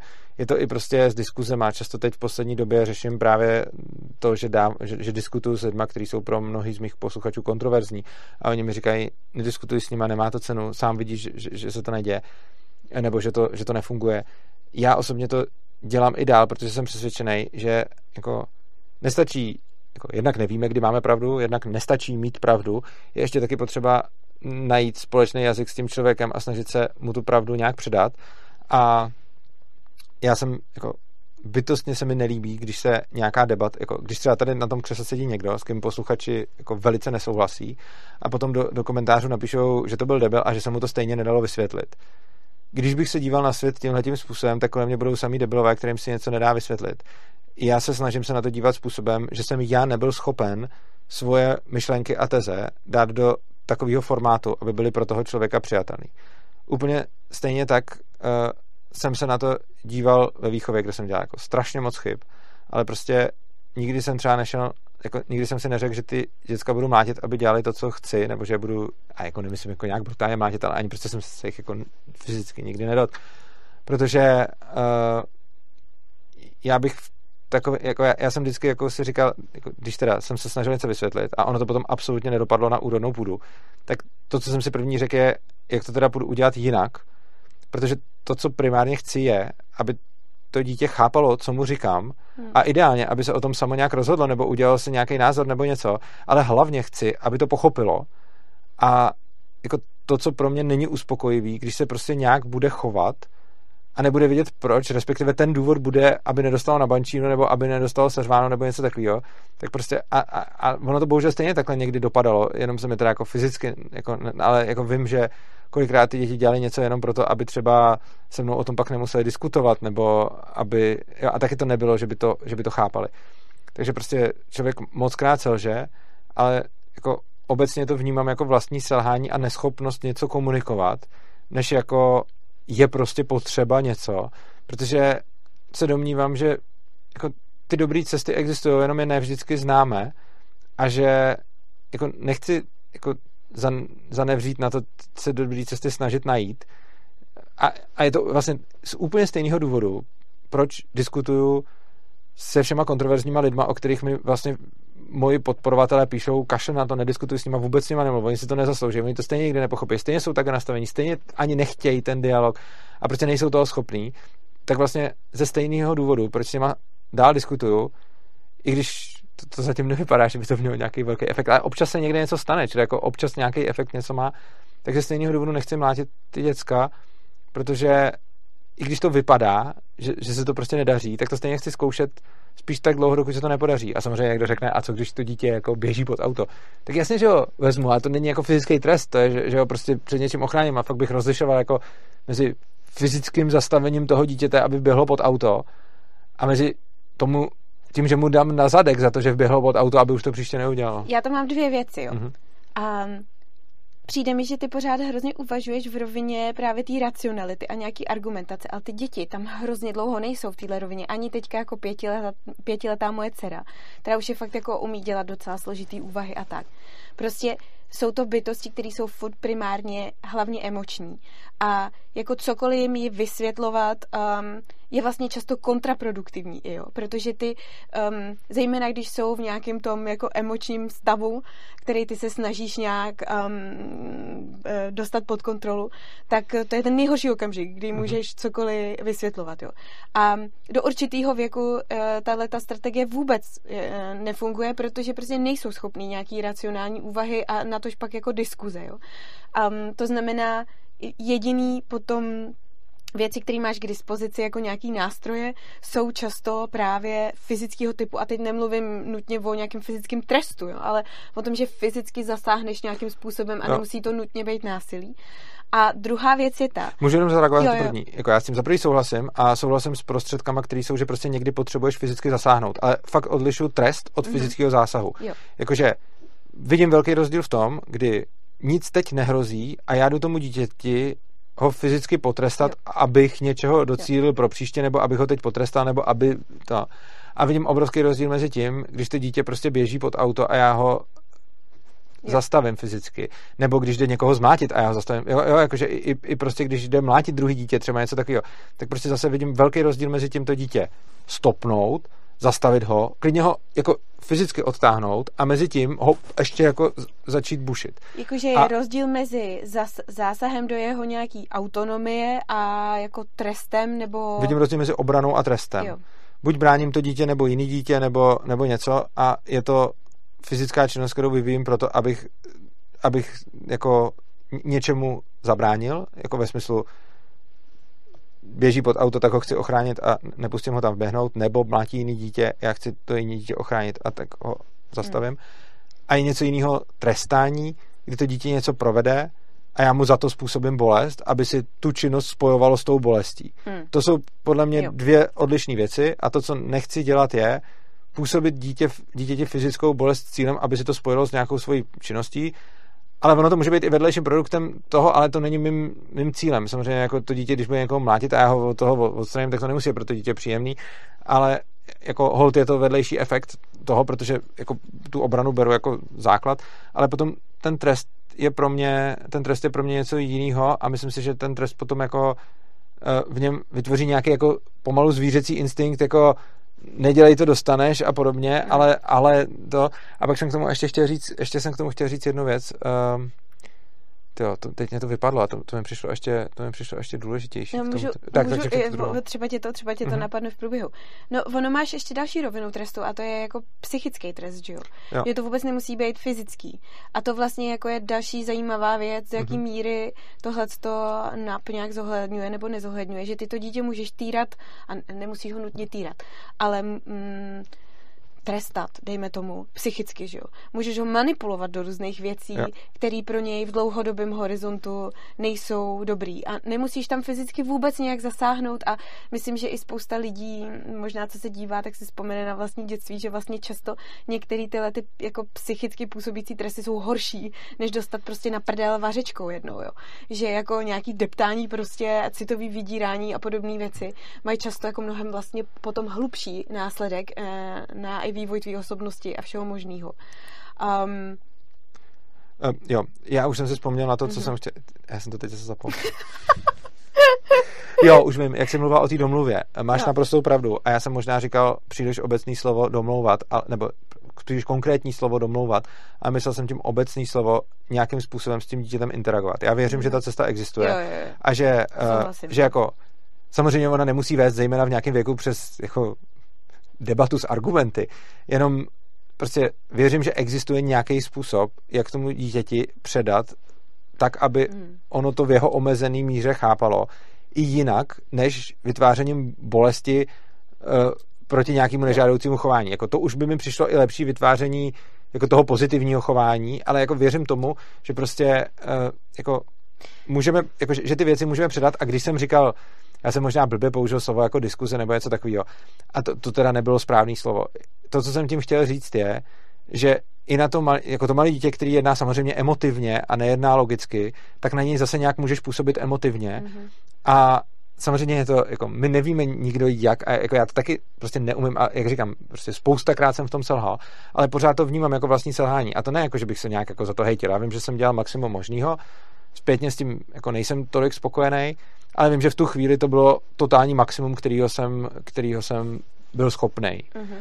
Uh, jako, já mám s dětma jako dobrý vztahy teď, ale prostě spousta věcí, které jsem dělal, když byli malí, tak mi třeba teď zpětně přijde líto, nebo mě to mrzí, protože mi přijde, že to bylo třeba zbytečný, nebo že to bylo zbytečně tvrdý, nebo že, že jsem mohl jednat jinak, nebo hlavně teď už bych si, a zejména jde o tu emoční komunikaci, kterou jako moje emoční inteligence je mizivá, ale byla ještě mnohem horší, což znamená, že, že vlastně v minulosti jsem vůbec na tohle to neuměl moc reagovat, neuměl jsem je, je dost dobře číst, neuměl jsem jako s nimi komunikovat na téhle bázi, takže i když jako diskutovat jsem uměl vždycky, tak přesně to, co říkáš, mi často chybělo, ale jako snažím se v tom zlepšovat a kolikrát jsem třeba nepoznal na tom dítěti, hmm. co ho trápí nebo co by potřebovalo a kolikrát jako třeba teď zpětně vidím, že byly nějaké věci, které by mě teď už třeba napadly, že to dítě potřebovalo, ale tehdy mi prostě nedošly a tehdy mě nenapadlo, co to dítě chce, protože třeba se vyjadřovalo způsobem, který pro mě byl nesrozumitelný a který by třeba pro člověka s vyšší emoční inteligencí nebo empatí byl pochopitelnější.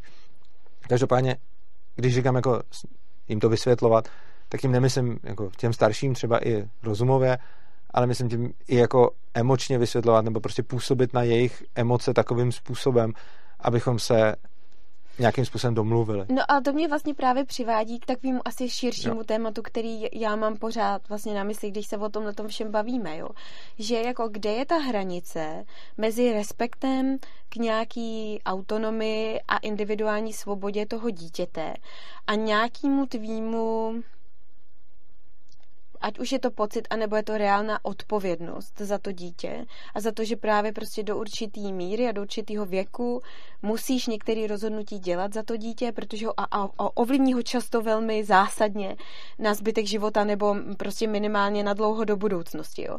A třeba přesně um, je to jako hledání té hranice mezi nějakou manipulací toho dítěte, ať už je to skrz diskuzi, mm-hmm. nebo e, emoč, emoce, nebo me, to je vlastně jedno, jaký prostředek zvolíš, jo.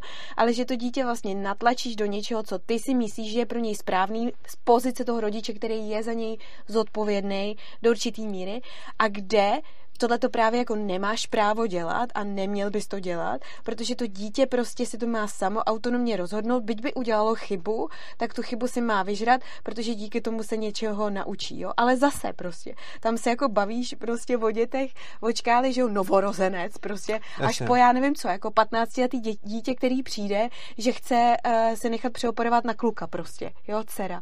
A teď jako kde je ta hranice toho, že ty řekneš jako OK, tak teď už jsi fakt plně za sebe zodpovědný a schopný se v této dané věci rozhodnout s rizikem toho, že poneseš veškeré důsledky a moje role jako rodiče tady vlastně končí ve smyslu toho, můžu ti dát nějakou radu, co si myslím, že by bylo dobrý udělat, ale vlastně nechám ti, nechám to rozhodnutí na tobě. A kde naopak seš ještě pořád v té pozici a roli toho, kdo může i za použití určitého násilí nebo manipulace prostě tomu dítěti něco znemožnit nebo ho naopak k něčemu přinutit. No, uh, napřed bych to vypořádal z hlediska toho NAPu, protože tam je to jednodušší. Uh, NAP, a to nejenom ohledně dětí, psychický násilí vůbec nerozlišuje. Hmm. A zase, tím neříkám, že psychický násilí jako nemůže existovat, a neříkám, že nemůžeme někoho manipulovat, na někoho tlačit a podobně, ale jde o to, že uh, NAP je nějaký minimum a neříká, není to rozdělení mezi hmm. správným a špatným, je to spíš rozdělení mezi tím, kde je legitimní a kde není le- hmm. legitimní použít uh, fyzickou sílu. A jde o to, že psychický násilí, i kdybychom si řekli, že ho chceme nějakým způsobem zahrnout do NAPu, tak by to mělo potom poměrně nepříjemné následky z toho důvodu, že člověk může druhýmu působit psychickou bolest, jako, nebo psychickou bolest si působíme všichni sami v závislosti na tom, jaký jsme a příčinou k toho může být nějaký jiný člověk, ten nám k tomu může dát jako ten podnět na to, že v nás to začne bolet. A jde o to, že ten člověk, že často může působit psychickou bolest, aniž nejenom to zamýšlí, ale aniž vůbec cokoliv udělá. Prostě spousta lidí nám může působit psychickou bolest jenom svojí samotnou existencí, svým projevem a, a tak dále. A proto není podle mě rozumný ani možný implementovat psychický násilí do NAPu. Než, a tím jako často lidi řeknou, a teď psychický teror může být kolikrát horší než fyzický. Ano, může. Problém je, že jak to, jako odpověď je spíš, jak to chcete udělat. Jestliže chcete zahrnout psychický násilí do NAPu, tak co? Tak teda budeme počítat, že někdo svým jednáním působí druhému psychickou bolest. Jenže psychickou bolest působí svým jednáním, když se rozejdete s partnerem, tak mu působíte psychickou bolest. Psychickou bolest eh, můžete působit tím, že říkáte nějaký názory, které jsou někomu nepříjemné. Psychickou bolest můžete působit tím, že uplatňujete svoji svobodu slova a říkáte věci, které toho druhého bolí, protože třeba má nějakou víru nebo, nebo, nebo mu nebo dáváte nějaké přesvědčení nebo mu dáváte nějaké informace, které jsou pro něj bolestivé. A jde o to, že za předpokladu, jako že, že ta kategorie fyzického násilí je poměrně zjevná. Hmm. Jako neříkám, že tam nemůžou být nějaký jako malý jako šedý zóny, ale v zásadě si můžu být vždycky jako jistý, kdy se to neděje. Takže prostě samozřejmě se můžeme bavit o tom, jestli jako poplácání po rameni někdo už může vnímat jako ne- nekomfort a ně- někdo může vnímat jako, když to bylo přátelský, stejně jako takový to mezi dětma, kolikrát je pošťuchování, který, jako neříkám, že vždycky, ale někdy může jeden ho vnímat jako dobrý a druhý ho už může prostě bolet. Nicméně v tom fyzickém kontaktu lze nakreslit tu jednotlivou čáru prostě v momentě, kdy tady sedím a nedotýkám se tě, tak ty prostě žádný fyzický násilí nepůsobím a neútočím na tebe. A pokud bude jakýkoliv rozpor a pokud ti cokoliv řekneš, tak já to vyřeším tím, že se tě přestanu dotýkat i jakýmkoliv předmětama nebo zbraněma nebo něčím a prostě uchovávám tvoji fyzickou integritu tak, jak je a v ten moment můžu vědět, že neporušuju NAP. Tohle je podle mě jako extrémně důležitá vlastnost toho NAPu, aby se dal nějakým způsobem posuzovat aby se dal nějak kategorizovat, aby se podle něj dalo aspoň nějak se řídit. A proti tomu psychický násilí má tu vlastnost, že já určitě tím, co tady říkám, se dopouštím na spoustě posluchačů psychického násilí a úplně vidím, a zejména v tom dílu o dětech a zejména s těma věcmi, který jsem řekl, zejména vidím, kolik jich už za kamerou trpí. A já jim působím psychický násilí. A jako to je neoddiskutovatelný, a za předpokladu, že oni trpí a určitě se tam nějaký takový najdou a přečteme si to hned v komentářích, protože ty reakce tomu utrpení jasně, napo, jako, jasně napovídají, protože skoro pod každým videem se dozvím nějaký jako extrémně agresivní komentář plný nadávek a často jich je tam hodně. Tak jako tohle ty lidi nepíšou, protože jsou v pohodě, tohle ty lidi píšou, protože jsem jim tím, co jsem říkal, ublížil. A tak tam je zase rozdíl v tom záměru, že jo? To je stejný jako, když někomu, když ho někoho vrazíš na ulici nebo mu šlápneš na nohu, tak si ho sice jako fyzicky se na něm dopustil násilí v uvozovkách, ale ne, že jo? Protože tam nebyl záměr mu ublížit. Ale to, ale to je taky porušení na, na jako záměr potom můžeš zohledňovat v momentě, kdy řešíš třeba, jak tu situaci řešit, hmm. jak toho člověka třeba potrestat, jak se má očkodnit nebo něco takového. Ale samotný NAP ne, neřeší, jestli to bylo záměrně nebo ne, protože to porušení je narušení té integrity nebo mhm. majetku toho druhého člověka, okay. protože ono potom jako spoustu věcí můžeš dělat, jako ono potom můžeš jet jako opilá autem a někoho srazíš omylem, protože jako cílem nebylo ho srazit, ale není to OK prostě. Mm. A nebo ono ani nemusí být opilá, prostě jedeš autem a někoho srazíš, jako ono, když řekneš do někoho jsem vrazila, tak je to v pohodě, ale prostě když někoho srazíš v autě, tak jsi to jako nechtěla udělat. Mm. Ale k tomu porušení, mm. jako principu se tam jednoznačně došlo, takže my nemůžeme říct jako když to chtěl, tak to nebylo a když, když to chtěl, tak to bylo a když nechtěl, tak to nebylo. Hmm. My prostě neřešíme, jako potom při posuzování toho případu třeba u nějakého potenciálního soudu samozřejmě budeme řešit, jaký byly záměry. Ale když jenom řešíme, jestli to je nebo porušení, ne, nebo není porušení NAPu, tak neřešíme, jestli to chtěl nebo nechtěl, ale řešíme, co se stalo. Hmm. A z hlediska psychického násilí, jako za prvý, ty mu nedokážeš, že to ten člověk chtěl. Já prostě třeba jako hmm můžu to tady teď říkat a můžu to formulovat tak, abych cíleně někomu jako způsobil újmu. A on mi nedokáže, že jsem to chtěl. Hmm. Já vím, co za lidi mě sleduje a já vím, jaký bych mohl říct věci, abych je zranil, ale oni mi nedokážou, že chci, že, že, že, to bylo cílem. A tohle je přesně problém s tím psychickým násilím. Ono se dá, ono je extrémně fluidní a prostě to, že někdo trpí, ještě neznamená, že na něj někdo jiný chce no. vyvíjet psychický násilí a že na něj chce působit nátlak můžeme potom posuzovat, jestli to ten člověk teda chtěl nebo nechtěl udělat a můžeme teda vytvořit zvláštní kategorii, která by byla jako, že do NAPu by se pa, při, jako fyzický násilí plus takový psychický násilí, který někdo chtěl způsobit, jenomže i tam je problém, protože za prvý nedokážeš, kdy chtěl a za druhý, jako co, co to potom znamená? To znamená, že když někdo nějak raní mě a třeba se s tím druhým hádám, tak když se dva lidi hádají, tak oni asi ví, že si říkají věci, které jsou vzájemně zraňující. Hmm. Takže by potom jako každá partnerská hádka bylo porušování NAPu, hmm. protože jako ty lidi jenom v tu chvíli jsou prostě ve stavu, kdy to nejsou schopni moc reflektovat, hmm. Hmm. ale stejně si působí zranění. A kolikrát si ty partneři říkají ty věci, které už si řekli desetkrát a oni vědí, že je to zranilo a stejně je řeknou po jedenáctý. Tak prostě tohle by všechno bylo porušení NAPu. A to podle mě jako nechceme, hmm. protože takovýhle princip je potom uh, extrémně fluidní a hmm. zneužitelný, protože vlastně, jako myslím si, že kdykoliv chceme nastavovat nějaký princip, podle kterého se řídíme, tak myslím, že musí být uh, nějakým způsobem zajistitelný, že když ten princip chci následovat, že to jako můžu dělat, že, že můžu dál žít svůj život a můžu jako aspoň hmm. si být do nějaký míry jistý, že ten princip neporušu. A NAP je dobrý v tom, že si můžu být docela jistý v tom, kdy ho, jako ne vždycky samozřejmě, ale můžu mít jako většinu času dost kontrolu nad tím, že se to neděje. V momentě, kdyby jsme do toho započítali fyzický násilí, tak vlastně všichni jsme někdy násilníci, protože kdo z nás žije tak, že nezraňuje lidi kolem sebe.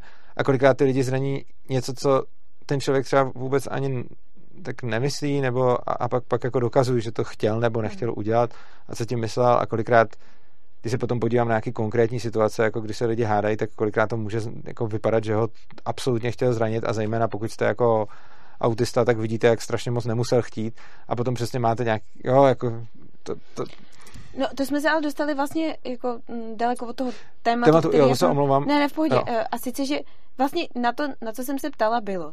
Dneska je to vlastně legislativně ukotvený tak, že dítě je od nějakých 15 let trestně odpovědný, že jo, a od 18 let je teda plnoletý a je považovaný za jako hotovýho jedince, který je plně zodpovědný za sebe, za svoje činy, jednání, rozhodnutí, mm-hmm. všechno. Když bychom tuhle tu legislativu neměli, tak uh, jako od kdy ta bytost um, začíná být plně odpovědná, autonomní, um, jak se to, já to neříkám, že tak, jak je to teď, tak je to správně. Mm-hmm. Mně to v mnoha ohledech přijde absurdní. Třeba je to podle mě jako hezky ilustrovatelný na na sexuálním jednání, že jo, jo. těch dětí. Když se 14 lety vyspíš 15 jo. letou, jo. tak je to trestný, jo. ale když se 15 lety vyspíš 16 letou nebo 14 z 13, tak to jo. není trestný. Jo. A nebo potom myslím si, že je ještě dobrý, že když je ti mezi 15 a 18, tak myslím si, že se můžeš natočit při masturbaci a není to trestný a když se na to koukáš, tak to trestný je. No, no, no a jo, tam je, tam spousta takových jako... ty absurdity, jo? že prostě třeba jako ve 14 už asi jako všem uh, kor dneska prostě bují hormony jak blázen, jako a, a, že jo, jako já nevím, kdyby se zprůměrovalo, kdy kdo přišel o panictví a panenství, tak to bude určitě jako často někde pod těma 15 no, lety a podobně, jo. Um, ale zase přesně jako pro mě, a zase já to vím, že je to jako emoční, tohle to hodně z mé strany, proto se na to ptám tebe, že by mě zajímalo, jak to máš jako uchopený racionálně. Uh, představa, že to dítě není nijak chráněný v tomhle ohledu třeba a je jako velmi snadno zneužitelný, protože může být snadno zmanipulovaný i do nějaký jako konsenzuální smlouvy, ale zase, jo, jako víme, že prostě to dítě dostrašně, co konec konců to i dospělý, prostě je často schopný udělat jako kde co a přistoupit na kde jaký podmínky jenom proto, aby měl pocit nějakého uznání nebo toho, že je jako je milovaný člověkem, na kterém mu třeba záleží, tak je ochotný jít do smlouvy, která vlastně jako je koncenzuální um, oficiálně, ale ve skutečnosti vlastně úplně ano. není, protože je do ní nějak manipulovaný. Jo. Takže uh, Základní otázka ale je teda, um, pokud to nemáme daný legislativně, kdy to dítě jo. je plně za sebe odpovědný, autonomní, tak uh, jak se ta hranice určí? Uh, za prvý si myslím, že je, a teď i bez ohledu na ANCAP, že naprosto chybně určit nějakou věkovou hranici, od který ten člověk za sebe zodpovídá a, a tak, protože každý ten člověk je jiný mm-hmm. a mhm. je to, je to zcela zjevně blbost. Mm-hmm. Prostě někdo může být ve 14 vyspělejší než někdo jiný v 19 a prostě tam jsou dvě věkové hranice, které mezi tím, mezi tím překročily. A prostě dát takovouhle věkovou hranici je prostě naprosto špatně a je to v podstatě alibismus a je to, že si chci zjednodušovat práci, kdy vlastně nechci posuzovat ty jednotlivé případy, ale chci prostě říct, hele, tomu bylo 18 a tady řeknu, hele, tak ty spolu spali, jemu bylo 14, jí bylo 15, ona půjde sedět, nebo jemu bylo 15, jí bylo 14, on půjde sedět, nebo prostě něco takového. Tohle je jako, a mezi nimi může být vlastně klidně měsíční rozdíl jako věkový, protože, takže to, tohle je prostě úplně špatně. To, co si myslím je, ale, že důležitý první věc, smlouva není ten papír s tím podpisem, smlouva je ta dohoda a papír s podpisem je důkaz o tom, že ta dohoda proběhla. Mm-hmm. A, říkám to, protože je to důležité pro to, co, co, co budu říkat dál. Prostě smlouva je, to, je ta dohoda, ne, ne, že by se to nutně museli říct ústně, ale smlouva je ta dohoda jako taková a papír s podpisem je jednou z formou důkazu.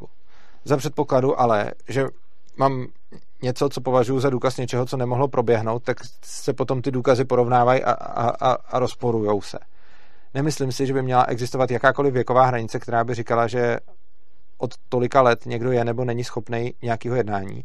Ale myslím si, a to si myslím, že by se nemělo uh, vztahovat pouze na děti, by se za předpokladu, že někdo tvrdí, že má s někým uzavřenou nějakou smlouvu a teď předkládá nějaký důkaz té smlouvy, tak by se tak by se nemělo řešit, jestli existuje papír s nějakým podpisem, ale mělo by se to brát jako důkazní řešení o tom, jestli existuje ta dohoda. Takže když dám nějaký, jako zatím dám úplně extrémní příklad a pak se dostaneme k těm dětem. Řekněme, že budeme mít člověka, který nemá oči a prokazatelně byl od narození slepej. Někdo potom přijde a tam bude papír a pod tím bude podpis tohohle toho člověka a ten papír nebude napsaný brilovým písmem, bude to normální papír vytěštěný z tiskárny. V takovémhle případě tenhle papír rozhodně není důkazem o tom, že ten člověk uzavřel jakoukoliv dohodu, která je na tom papíru napsaná. Prostě ale to neznamená, že nemůžou být jiný způsoby, jak, je, jak ten člověk může uh, vyjádřit svůj souhlas. Jenom prostě, když mi, když mi někdo teda, když přijde dva lidi a jeden říká, já jsem, on souhlasil a druhý říká, já jsem nesouhlasil a on vytáhne papír s podpisem, tak to je nějaký důkazní materiál, který má podepřít tu jeho tezi, že souhlasil. Za předpokladu, že nejsou žádné další okolnosti, tak ten papír většinou stačí a proto spousta lidí zaměňuje Jo, proto spousta, mě to nevadí, spousta lidí zaměňuje smlouvu jako takovou s tím papírem, který by měl být důkazním materiálem o tom, že k té smlouvě došlo. Jenže to, že mám nějaký důkazní materiál, ještě neznamená, že to, že to dokazuje tu věc, on může být buď podvržený, anebo může být chybně interpretovaný. Takže když přijde někdo, kdo je slepej a někdo mi řekne, já jsem s ním uzavřel tu dohodu a důkaz je jeho pop, podpis na tomhle normálním papíru, na kterém je to vytisknutý z tiskárny, tak já to neberu jako důkaz té smlouvy. Což neznamená, že k té smlouvě nedošlo, jenom prostě tohle není dostatečný důkaz. S dítětem to vnímám velice podobně. To, co by mělo být přeskoumáno, je, jestli ten člověk mohl nebo nemohl dát k něčemu souhlas a mělo by to být přeskoumáno na individuálním případě. Za předpokladu, že někdo podstrčí čtyřletýmu dítěti smlouvu, který tam udělá prostě pár kři- a zase beru jako docela extrémní případ, abych to na tom jako ukázal, který tam udělá pár křížků nebo nějaký klikihák a bude sice prokazatelný, že to dítě to tam udělalo rukou, ale to dítě ani neumí číst, tak to je důkaz, že ten papír s tím klikihákem nic neznamená a nic nedokazuje. Samozřejmě, čím je to dítě starší, tím už pak se nedostáváme jenom k tomu, jestli umělo nebo neumělo číst, protože třeba umělo číst, ale pak třeba je otázka, jestli umělo vůbec, jako to, že umí v šesti letech přesulavikovat mama má maso, jestli umělo pochopit desetistránkovou smlouvu, nejspíš ne. A tímhle tím způsobem bychom se dostávali dál a dál k tomu, že potom třeba i když máme uh, prostě potom nějaký třeba mentálně postižený lidi, tak ty taky nejsou schopní uzavřít nějakou smlouvu, respektive ten podepsaný papír nedokazuje, že oni uzavřeli tu smlouvu, i když třeba mohli, pokud není v jejich mentálních kapacitách vůbec pochopit, co je to za dohodu. Takže si myslím, že by se to nemělo vůbec vztahovat na děti, jenom na děti. Mělo by to být úplně obecně platný pravidlo. Neměla by tam být žádná věková hranice, protože si myslím, že ta věková hranice jenom dělá to, že tam děláme úplně nějakou zbytečnou arbitrární čáru. Je pravda, že čím jsou ty lidi mladší, tím častěji potřebují tento typ ochrany. Ale to ještě neznamená, že starší lidi ten typ ochrany nepotřebují vůbec. Oni ho můžou potřebovat, oni ho můžou potřebovat i třeba hodně starý lidi a, nebo nějaký mentálně postižený lidi a tak podobně. Takže si myslím, že jako každý člověk může někdy potřebovat ochranu, když se někdo snaží vlastně jakoby vyrobit důkazy o tom, že došlo k dohodě, která ve skutečnosti neexistuje, třeba proto, že jedna ze stran tu dohodu vůbec není schopná pochopit a pak tu dohodu chce vynucovat. A myslím si, že i když mezi dětma k tomu dochází častěji a je to vyřešený věkovou hranicí, tak si myslím, že tohle není jako správný řešení a že by měl být řešený ten problém jako takový. A ne aproximací, ty seš moc mladý, ty jsi to nemohl pochopit, ty seš už dostalý, ty jsi to mohl pochopit, ale že by se měl individuálně posuzovat každá konkrétní smlouva, kterou někdo rozporuje a měl by se přiřížet k tomu, jestli ten člověk byl nebo nebyl schopen pochopit to, s čím souhlasí. A pokud dojdeme k tomu, že nebyl pochopen, tak ta smlouva neplatí. A znova smlouvu nemyslím ten papír s tím podpisem, ale tu dohodu. Jo, dobře. Ale um, furt stojí tam moje původní otázka. Jak? Uh, jsem myslel, že jsi mi odpověděl. Jakože um, třeba na příkladě trestní odpovědnosti, mm-hmm. jo? Uh, Odpověď je teda prostě individuální. Zase, že se vždycky se to odvíjí od individuálního případu. Prostě nějaký dítě může v šesti letech spáchat, mm, může, může někoho zabít, přesně. A teď jako nelze teda paušálně říct, uh, jestli si bylo vědomí toho činu nebo nebylo vědomí toho činu, to prostě musíš posuzovat individuálně na každém případě a potom ho taky jako náležitě trestat to dítě, nebo jako třeba v tom policentrickém právu. Jako jo. by bylo třeba možný prostě šestiletý dítě, u kterého by si prokazatelně byl schopný dokázat, že si bylo vědomí toho, co dělá, asi do, do té míry, do které šestiletý dítě je schopný dohlídnout toho, co mhm. dělá, tak jako bys ho mohl třeba poslat prostě do vězení. No, Zase, já si třeba vůbec nemyslím, že v Ankapu by tak úplně existovalo vězení, protože vězení mi vůbec nedává smysl. Vězení je něco, co platí všichni daňoví poplatníci, nemá to žádnou výchovnou funkci a přijde mi, že to, co by se v policentrickém právu daleko víc uh, řešilo, by bylo očkodňování těch obětí a ne uh, jako ne jako Jo, jo, jo. vězení. A když už trest, jako, myslím, jako jednak já mám jako svůj specifický pohled na tresty, uh, který není moc, uh, jako, myslím si, že tresty nejsou moc efektivní způsob. Takový no. ano, možná ezo pohled na tresty, ale hlavně, když už bych i přijal tresty, a to v Ankapu asi trestná, aby se normálně počítalo, protože naše společnost taková prostě je, uh, tak uh, si myslím, že vězení je ještě hodně špatná forma toho trestu. Uh, nicméně, pokud se týče zase jako trestní odpovědnost. Jako první otázka vždycky je, jestli došlo k porušení principu neagrese. Odpověď je ano, i když to bylo šestiletý dítě, tak to bylo porušení principu neagrese. Na tom na tom prostě nezáleží. I Kdyby to bylo roční dítě, tak prostě k tomu došlo. Jiná věc je, že roční dítě nemá za tolik prostoru porušit princip neagrese, protože to fyzicky není typicky schopný udělat. Šestiletý dítě už v nějakých případech může. Takže ano, tam je to princip neagrese, tam je to porušení principu neagrese. Jiná věc, kterou princip neagrese už neřeší, jsou případné tresty nebo odškodnění, nebo co s tím dál dělat tam už je jako hodně variant, který by si nějak určil ten trh. A úplně stejně, jak jsme se bavili o tom, jestli to je úmyslný nebo neúmyslný, by se dalo přiřídit i k Hmm. tomu, jestli to udělalo dítě a, a tak dále. Takže prostě rozhodně jako každá vražda nebo zabití bude porušením principu neagrese vždycky, bez ohledu na to, jestli to bylo schválně, neschválně, jestli to udělalo dítě, jestli to udělal dospělý, vždycky tam došlo k tomu, k tomu porušení.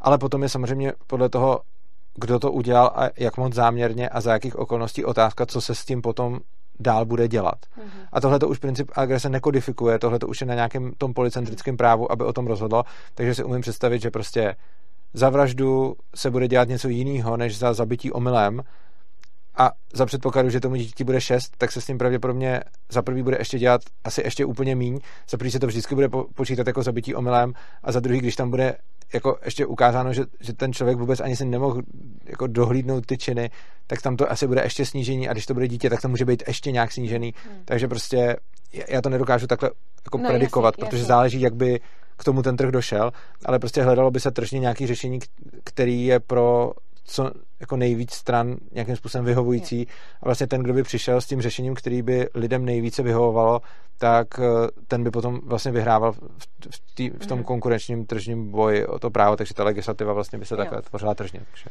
A když se vrátím ještě k tomu, co jsi říkal předtím s těma smlouvama, jo? Mhm. A ty si použil příklady, které jsou takový dost jako jednoznačný, Jako schválně, abych, No, no, abych jasně. uvedl, o čem mluvím. ale prostě často právě jednoznačný nejsou vůbec, že jo?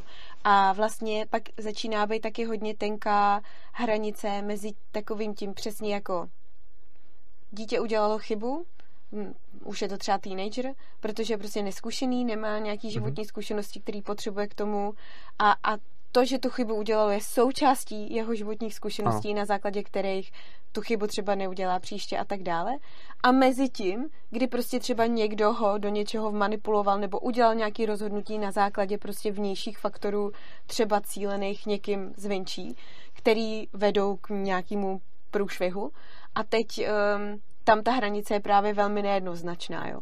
A když třeba uh, mě, já vím, že jsme spolu jednou tohleto téma řešili, To se nepamatuju. uh, si, a už jsem ho tady taky zmínila, s tím, že prostě přijde za tebou teenager, 16 letý, 15 letý, že prostě zjistil, že není kluk, že je holka, jo, tohle. a že se chce nechat přeoperovat a teďka ty jako z pozice toho rodiče prostě přijde mi jako přirozený rodičovský put, nebo já nevím, jak to říct, je prostě jako minimálně tomu dítěti říct jako hele ty jo, jako fakt si to dobře rozmysli, prostě tohle to jsou Tak jako... fakt si to dobře rozmyslí, jo, a zase když mu je 15, tak já si jako myslím, jakože jde o to, že No hele, si- jo, promiň, jo, jo, já to jenom jo. douvedu, že třeba v Americe s tím teďka mají docela dost problém, že tam je prostě fenomén, jak teďka jako uh, je tam ta woke culture, kdy prostě všichni, kdo jsou gay, nebo jsou trans, nebo cokoliv, tak jsou vlastně jako zejména na sociálních sítích vzývaný prostě společensky, jakože jo, super, Netflix. našel si svoje pravé já, prostě ano, ano. A zjišťujou, že narostl neskutečným způsobem počet právě pubertálních holek, který dřív uh, by bývali dělali to, že se třeba sebe poškozovali nebo končili na psychiatrii s různýma jinýma obtížema, který souvisejí prostě s dospíváním a s nějakou krizí identity a podobně. Takže teďka se to přelejvá právě do toho, že se holky chtějí prostě nechat přeoperovávat na kluky. Ale že to ve skutečnosti jako nemá vůbec nic společného s tím, že by se klukama opravdu cítili, že to je prostě důsledek nějakých jako společenských tlaků um, který je vedou k tomu, že mají pocit, že budou víc společensky přijatelnější a přijímaný, pokud uh, se prostě najednou začnou identifikovat jako veverka, nebo já nevím prostě co, jo. Ale Zase, jako to jsou věci, které jednou, když začneš podnikat k tomu kroky, jako podstoupíš nějakou hormonální terapii třeba a tak, tak už je to jako velmi těžko zvratný nebo úplně no. nezvratný. Přičemž v Americe ještě je to tak, že tam prostě můžeš přijít na nějakou kliniku a tu hormonální eh, terapii podstoupit bez toho, aniž bys měl právě souhlas rodičů a absolvoval si předtím třeba nějaký minimálně um, psychologický terapie nebo něco takového. Jo. Pro mě opět z pozice rodiče tohle jako noční můra prostě, jakože... Tak noční můra to asi je, protože ten člověk bude v každém případě nešťastný a to ať už je to z důvodu, že by se radši sebe poškozoval a místo toho dělá tohle, nebo z důvodu, eh, že se fakt cítí tím druhým pohlavím, takže chápu, jako to je blbý už protože to dítě prostě trpí. A ať už trpí proto, že trpí z nějakého jiného důvodu a chce to řešit takhle, nebo, z důvod, ne, nebo trpí proto, že se narodil jako holka a cítí se být kluk, tak obojí dvojí je na prd. Eh, každopádně, já tam mám jednu poměrně, jako k tomu mám jednu poměrně zásadní připomínku eh, z pohledu rodiče, jako ty říkáš, když to dovolím, co bych tím všechno mohl jako pokazit. Mm-hmm. A, pro, a, a lidi mají často pocit, že tím, že uh, to nedovolí, je to jako ta safe možnost a že tím se to nepokazí. Mm-hmm. Problém je, že ono se to pokazí, když to uděláš blbě, tak se to pokazí blbě na, na tu i, i, i onu stranu. Já znám uh, docela, no hodně, tak já nevím, třeba větší jednotky až menší desítky trans lidí a s některými z nich se hodně bavím, s některými jsem se bavil i právě o, o té jejich tranzici. A znám vlastně jedna z, jedna z našich uh, jako anarchokapitalistek, libertariánek, kteří jsou součástí jako české libertariánské scény, je Nikola Borovičková, která uh, přesně mi popisovala o tom, jak je těžký, když, když tu tranzici jako podstoupíš až pozdě a když ty kroky začneš, začneš podnikat pozdě. Takže ono to, ono to není tak, že jako je safe počkat, až tomu dítěti bude 20, 30 a potom teda uděláme změnu, kdy, když se na tom trvá, protože tam strašně záleží na tom, jestli ty lidi necháme projít pubertou a je, je to samozřejmě jako extrémně těžké rozhodnutí, ale rozhodně bych se na to netvářil tak, že jako je lepší to ne, jako je určitě lepší si to dobře rozmyslet a je určitě dobrý jako uh, si jako vůbec zjistit, jestli tohle to je to, co ten člověk potřebuje. Samozřejmě, ale rozhodně bych k tomu nepřistupoval, rozhodně bych k tomu nepřistupoval jako mm, způsobem nepovolit to nebo stopnout to je ta bezpečná varianta a povolit to je ta nebezpečná varianta, protože se to nedá zvrátit, protože ono se nedá zvrátit ani ta varianta, když se to, když se to nepovolí. Což znamená, že prostě jako ty holce to, jako některé ty věci se zvrátit potom dají, ona může dostat hormony a teď jí jako narostou prsa a, a, a podobně, ale a, a může se nechat vylejzrovat prostě fousy a všechny tyhle věci, to, to, to se jako dá, ale prostě když jí jako se udělá chlapský ohryzek a bude mít chlapský hlas, protože projde jako kluk pubertou, tak z toho, tak to už jí ne, neodpářeš a ona takhle bude mluvit furt, oni se potom jako učí mluvit jinak.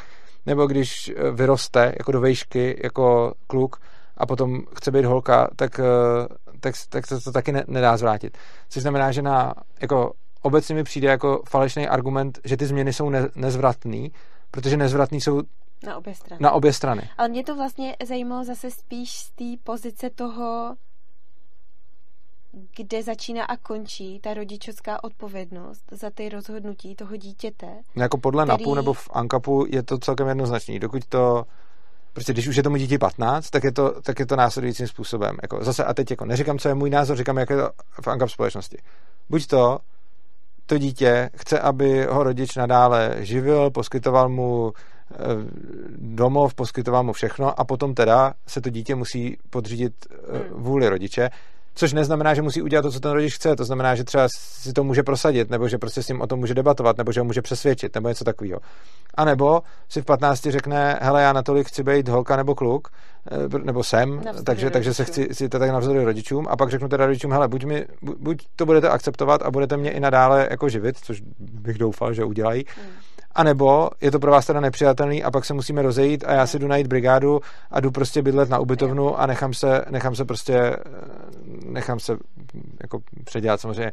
Potom jako taky další otázka, kde na to vezme peníze, což zase předpokládám zejména ve společnosti, kde, kde se ta, ta, problematika řeší, že zase můžou být lidi, kteří, eh, kteří jsou s tím letím ochotní pomoct.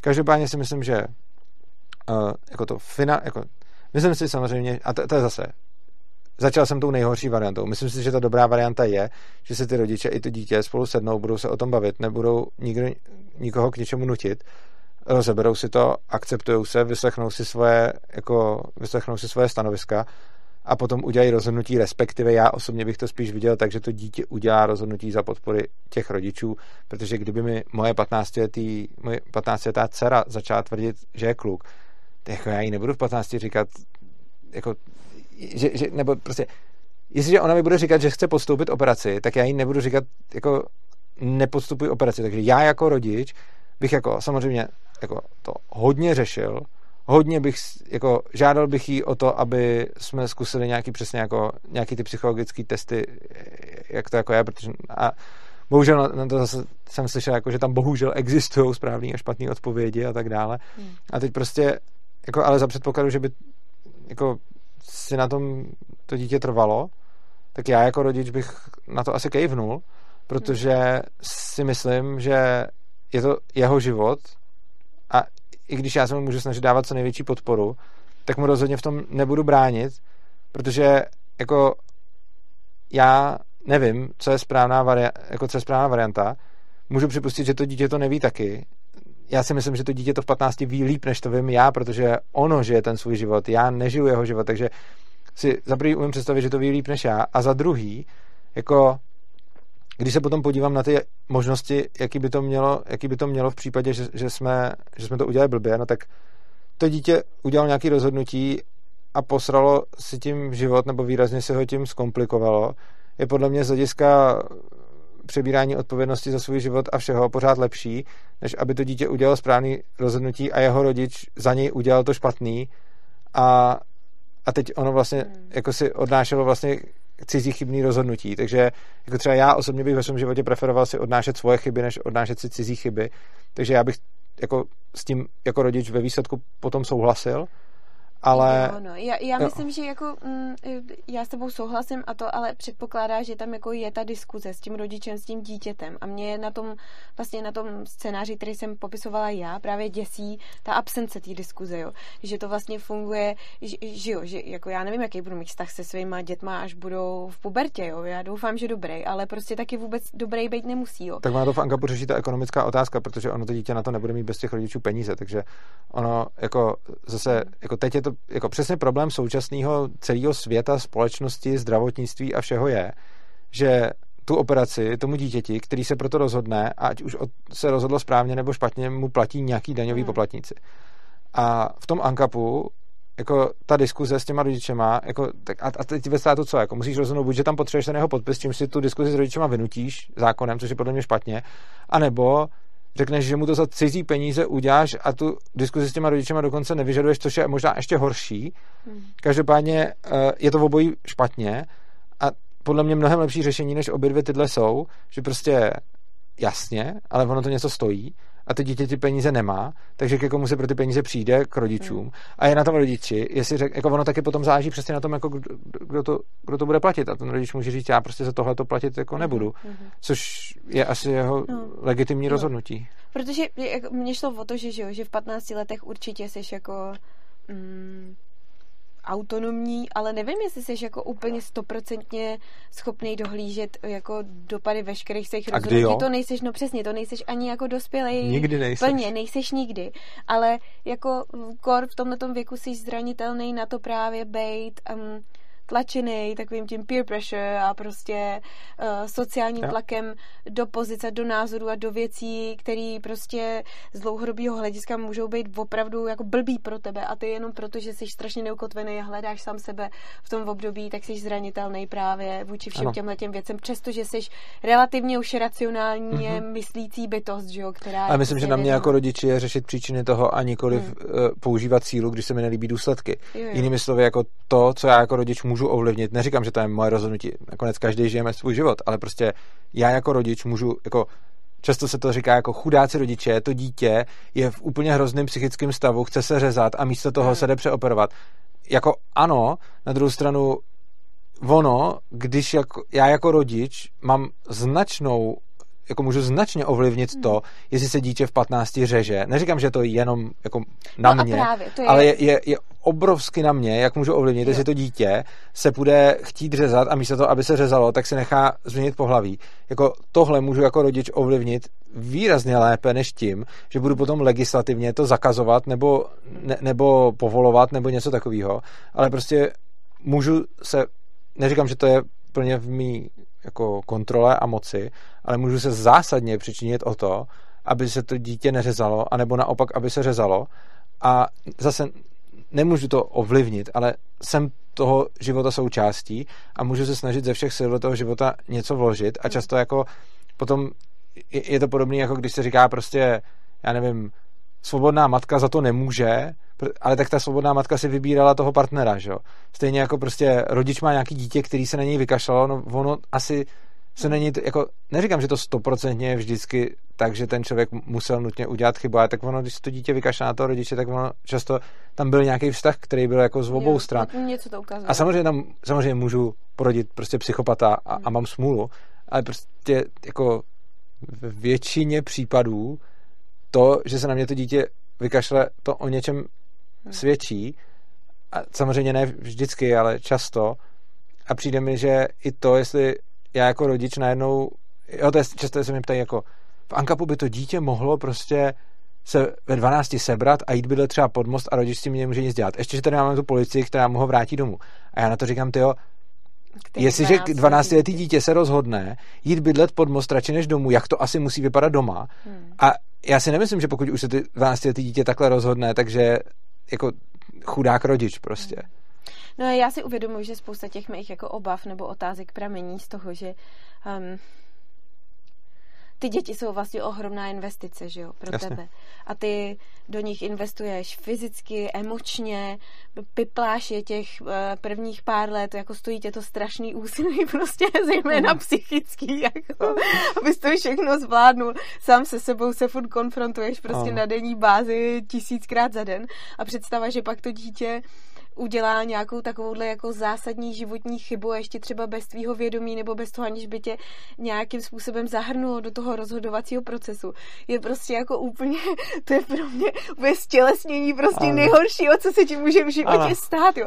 Takže A myslím, že je to hodně o práci se sebou, Jo, jo. A se, vla... se, se proti tomu vybavit a potom taky o tom budování vztahu s tím dítětem, aby se ti to nestalo. Jako já Jo, si jo. třeba nemyslím, že to by se to úplně stane. Ale je to, je to vlastně, si uvědomuju hrozně pořád takový jako powerplay, je to pořád o nějakém pocitu kontroly uh, nad tím dítětem, že jo, a to právě jako je děsivý na tom ankapu, že vlastně by si v mnoha ohledech jako ztratil. Já si myslím, že to v, jako, já si osobně myslím, že je to jako v pořádku a já osobně si myslím, že právě ta kontrola dělá spoustu špatného.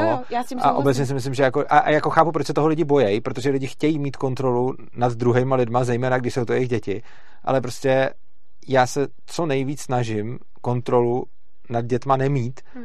a ne vždycky se mi to dařilo. Kolikrát jsem jí jako využíval a přesně jsem hrál s dětma přesilovku, to, ale není to něco, na co jsem hrdý, není to něco, co jsem chtěl dělat a není to něco, jako prostě beru to jako svoje selhání jako rodiče a jak říkám, i když teď s těma dětma mám prostě v pohodě vztahy, jako když už jsou velký, tak ale prostě spousta bolesti bylo způsobeno protože jsem tehdy nevěděl, jak to dělat líp. Hmm. Teď už bych snad třeba něco věděl, ale jako my, myslím si, že, že jako to, co bych zejména nechtěl, je mít nad těma dětma kontrolu a upřímně pro mě bude lepší prostředí, kde nad těma dětma mám v důsledku toho prostředí kontrolu co nejmenší, Hmm. Protože to by mi pomáhalo být lepším rodičem. Máš ještě nějaké další otázky? Nemáš? Tak to, to jsme to zvládli za dvě hodiny pěkně. Super. To bylo dobrý. Hele, ale to bylo, to bylo fakt skvělý. A to celý ten telefon, jak si tam měla celý ten žlutočerný text, tak ten celý jsme tady probrali? No víceméně jo. My to byly takový jako sub otázky. Aha, já jsem to tam viděl úplně popsaný Větší a říkal jsem si, otázek. ty bláho, to bude, to bude masakr. No to já jsem tam měla napsaný jenom, kdybych si jako náhodou nevzpomněla Jo. na ty různý příklady jasně. různých věcí, které mě napadaly, víš? Hele, já ti fakt moc děkuju, že jsi přišla. Bylo to super. A mě, mě se hrozně baví si s tebou povídat a taky se mě baví, když je to na kameru a doufám, že to, že to bude eh, stejně tak bavit naše diváky. Já zase doufám, že se naše dítě nebude chtít někam přeoperovat. Jako hodně, to je pro hodně rodičů noční můra a třeba pro mě by byla asi jako podobně, že to nebude mít v životě, jako, na, jako já třeba s tímhle tím nemám osobně, jako já s trans lidma nemám problém. Já taky ne vůbec. A- to bych nerada, aby to tak A, vyznělo. a, a je- jediný, co tak by mi bylo jako líto, kdyby s tím přišlo moje dítě proto, že si říkám, ty, ty to budeš mít v životě těžký, jako, protože no, oni mají fakt strašný hely, no. Tak jako. jsem to myslela. Každopádně, hele, eh, já udělám jednu věc a to je, že první, než tady začnu ukončovat, tak to už jsem chtěl udělat na začátku, udělám reklamu na konferenci, protože ona už se blíží. 28. května bude, uh, já jsem chtěl říct kontrola, bude konference uh, o penězích a najdete ji na stránkách konference.urza.cz a nebo na facebookových událostech Svobodného přístavu, takže se tam podívejte a když tak se tam zaregistrujte, uh, protože to bude skvělá akce, máme tam úžasný řečníky, můžete se, to tam, můžete se to tam najít. To je hlavní reklama, kterou chci udělat, protože já už si nějakou dobu říkám, že musím v každém videu dělat reklamu na konferenci a často na to zapomínám. A teď nechám tebe, aby si udělal reklamu na co chceš, nebo aby si lidem řekla, co chceš. Může to být buď klidně nějaká komerční věc, jsme tady Uncap, anebo to může být klidně nějaký tvoje jako EZO doporučení pro lidi. Máš prostě tady prostor. Co doporučení? Mějte se rádi. Ano. Ne, já nevím, já se asi nemám moc na co dělat reklamu. A jsi spisovatelka, tak narvi knížky. Narvu knížku, no, ona je jenom jedna. Jenom jedna, jak kamínky. jo, tak. A, tak já mám knížku Kamínky po kapsách, která je spíš taková jako, není to nic naučného, jsou to spíš takový snapshoty, a cestopis a, a všechno možný dohromady, takový atmosférický texty spíš. A jinak dělám copywriting, tak kdybyste někdy někdo potřeboval a, napsat nějaký text nebo spíš editovat nějaký text, který chcete vyslat někam do světa, tak eh, mi dejte vědět a já nejradši píšu takhle spíš pro menší klienty, ne pro žádný velký hnusný prohnilý korporáty. To mi došlo, že, a to ti řeknu po natáčení, já pro tebe budu mít asi zakázku. No tak super, tak, tak nic, tak jsem vybukovaná. Uh, tak jo, takže to, uh, takže to je všechno asi za tebe. Já za sebe řeknu tu klasiku, na kterou už jste zvyklí. Uh, pokud se vám tohleto video líbilo, rozesílejte ho po sociálních sítích, rozešlete ho lidem, kterých si myslíte, že by, že by mohlo taky zajímat. Uh, pokud chcete podpořit to, co děláme, můžete to udělat během několika sekund, například přesně tím sdílením, nebo taky tím, že pokud nás ještě neodebíráte, dejte nám odběr. Za prvý nás to motivuje ve tvorbě a za druhý, když potom chceme zvát třeba nějaký politiky, tak oni koukají na to, kolik máme odběratelů, takže nám zvýšíte možnost hostů, který můžeme pozvat. Pokud nás chcete podpořit finančně, což bychom skutečně hodně rádi, eh, tak když se podíváte dolů pod video, tak tam najdete bitcoinovou, litecoinovou adresu, už tam je i rozběhnutý Lightning Network, najdete tam bankovní spojení a celkově, takže to nám můžete poslat třeba odměnu za tohle video. A pokud se vám konstantně líbí práce, kterou dělá Svobodný přístav, což je nezisková organizace, která nebere žádný peníze od státu ani od Evropské unie a bereme jenom ty dobrovolné peníze, které nám dáváte vy a jsme na vás celá závislí, tak pokud nás chcete pravidelně podporovat, budeme, je to nejlepší způsob, jak nás můžete podpořit. Každý měsíc klidně malou částkou, aby jsme si mohli plánovat, protože pořádáme spoustu akcí a děláme celou spoustu aktivit, které stojí peníze, takže je dobrý, když s nima můžeme, když s nima můžeme počítat dopředu. Takže pokud byste nám nastavili nějaký třeba trvalý příkaz, jak to všechno udělat, najde, na, najdete dole na linku opristavu.urza.cz. To je za mě všechno. Já vám moc děkuji za pozornost. Mějte se krásně, uživejte si života a mějte se rádi.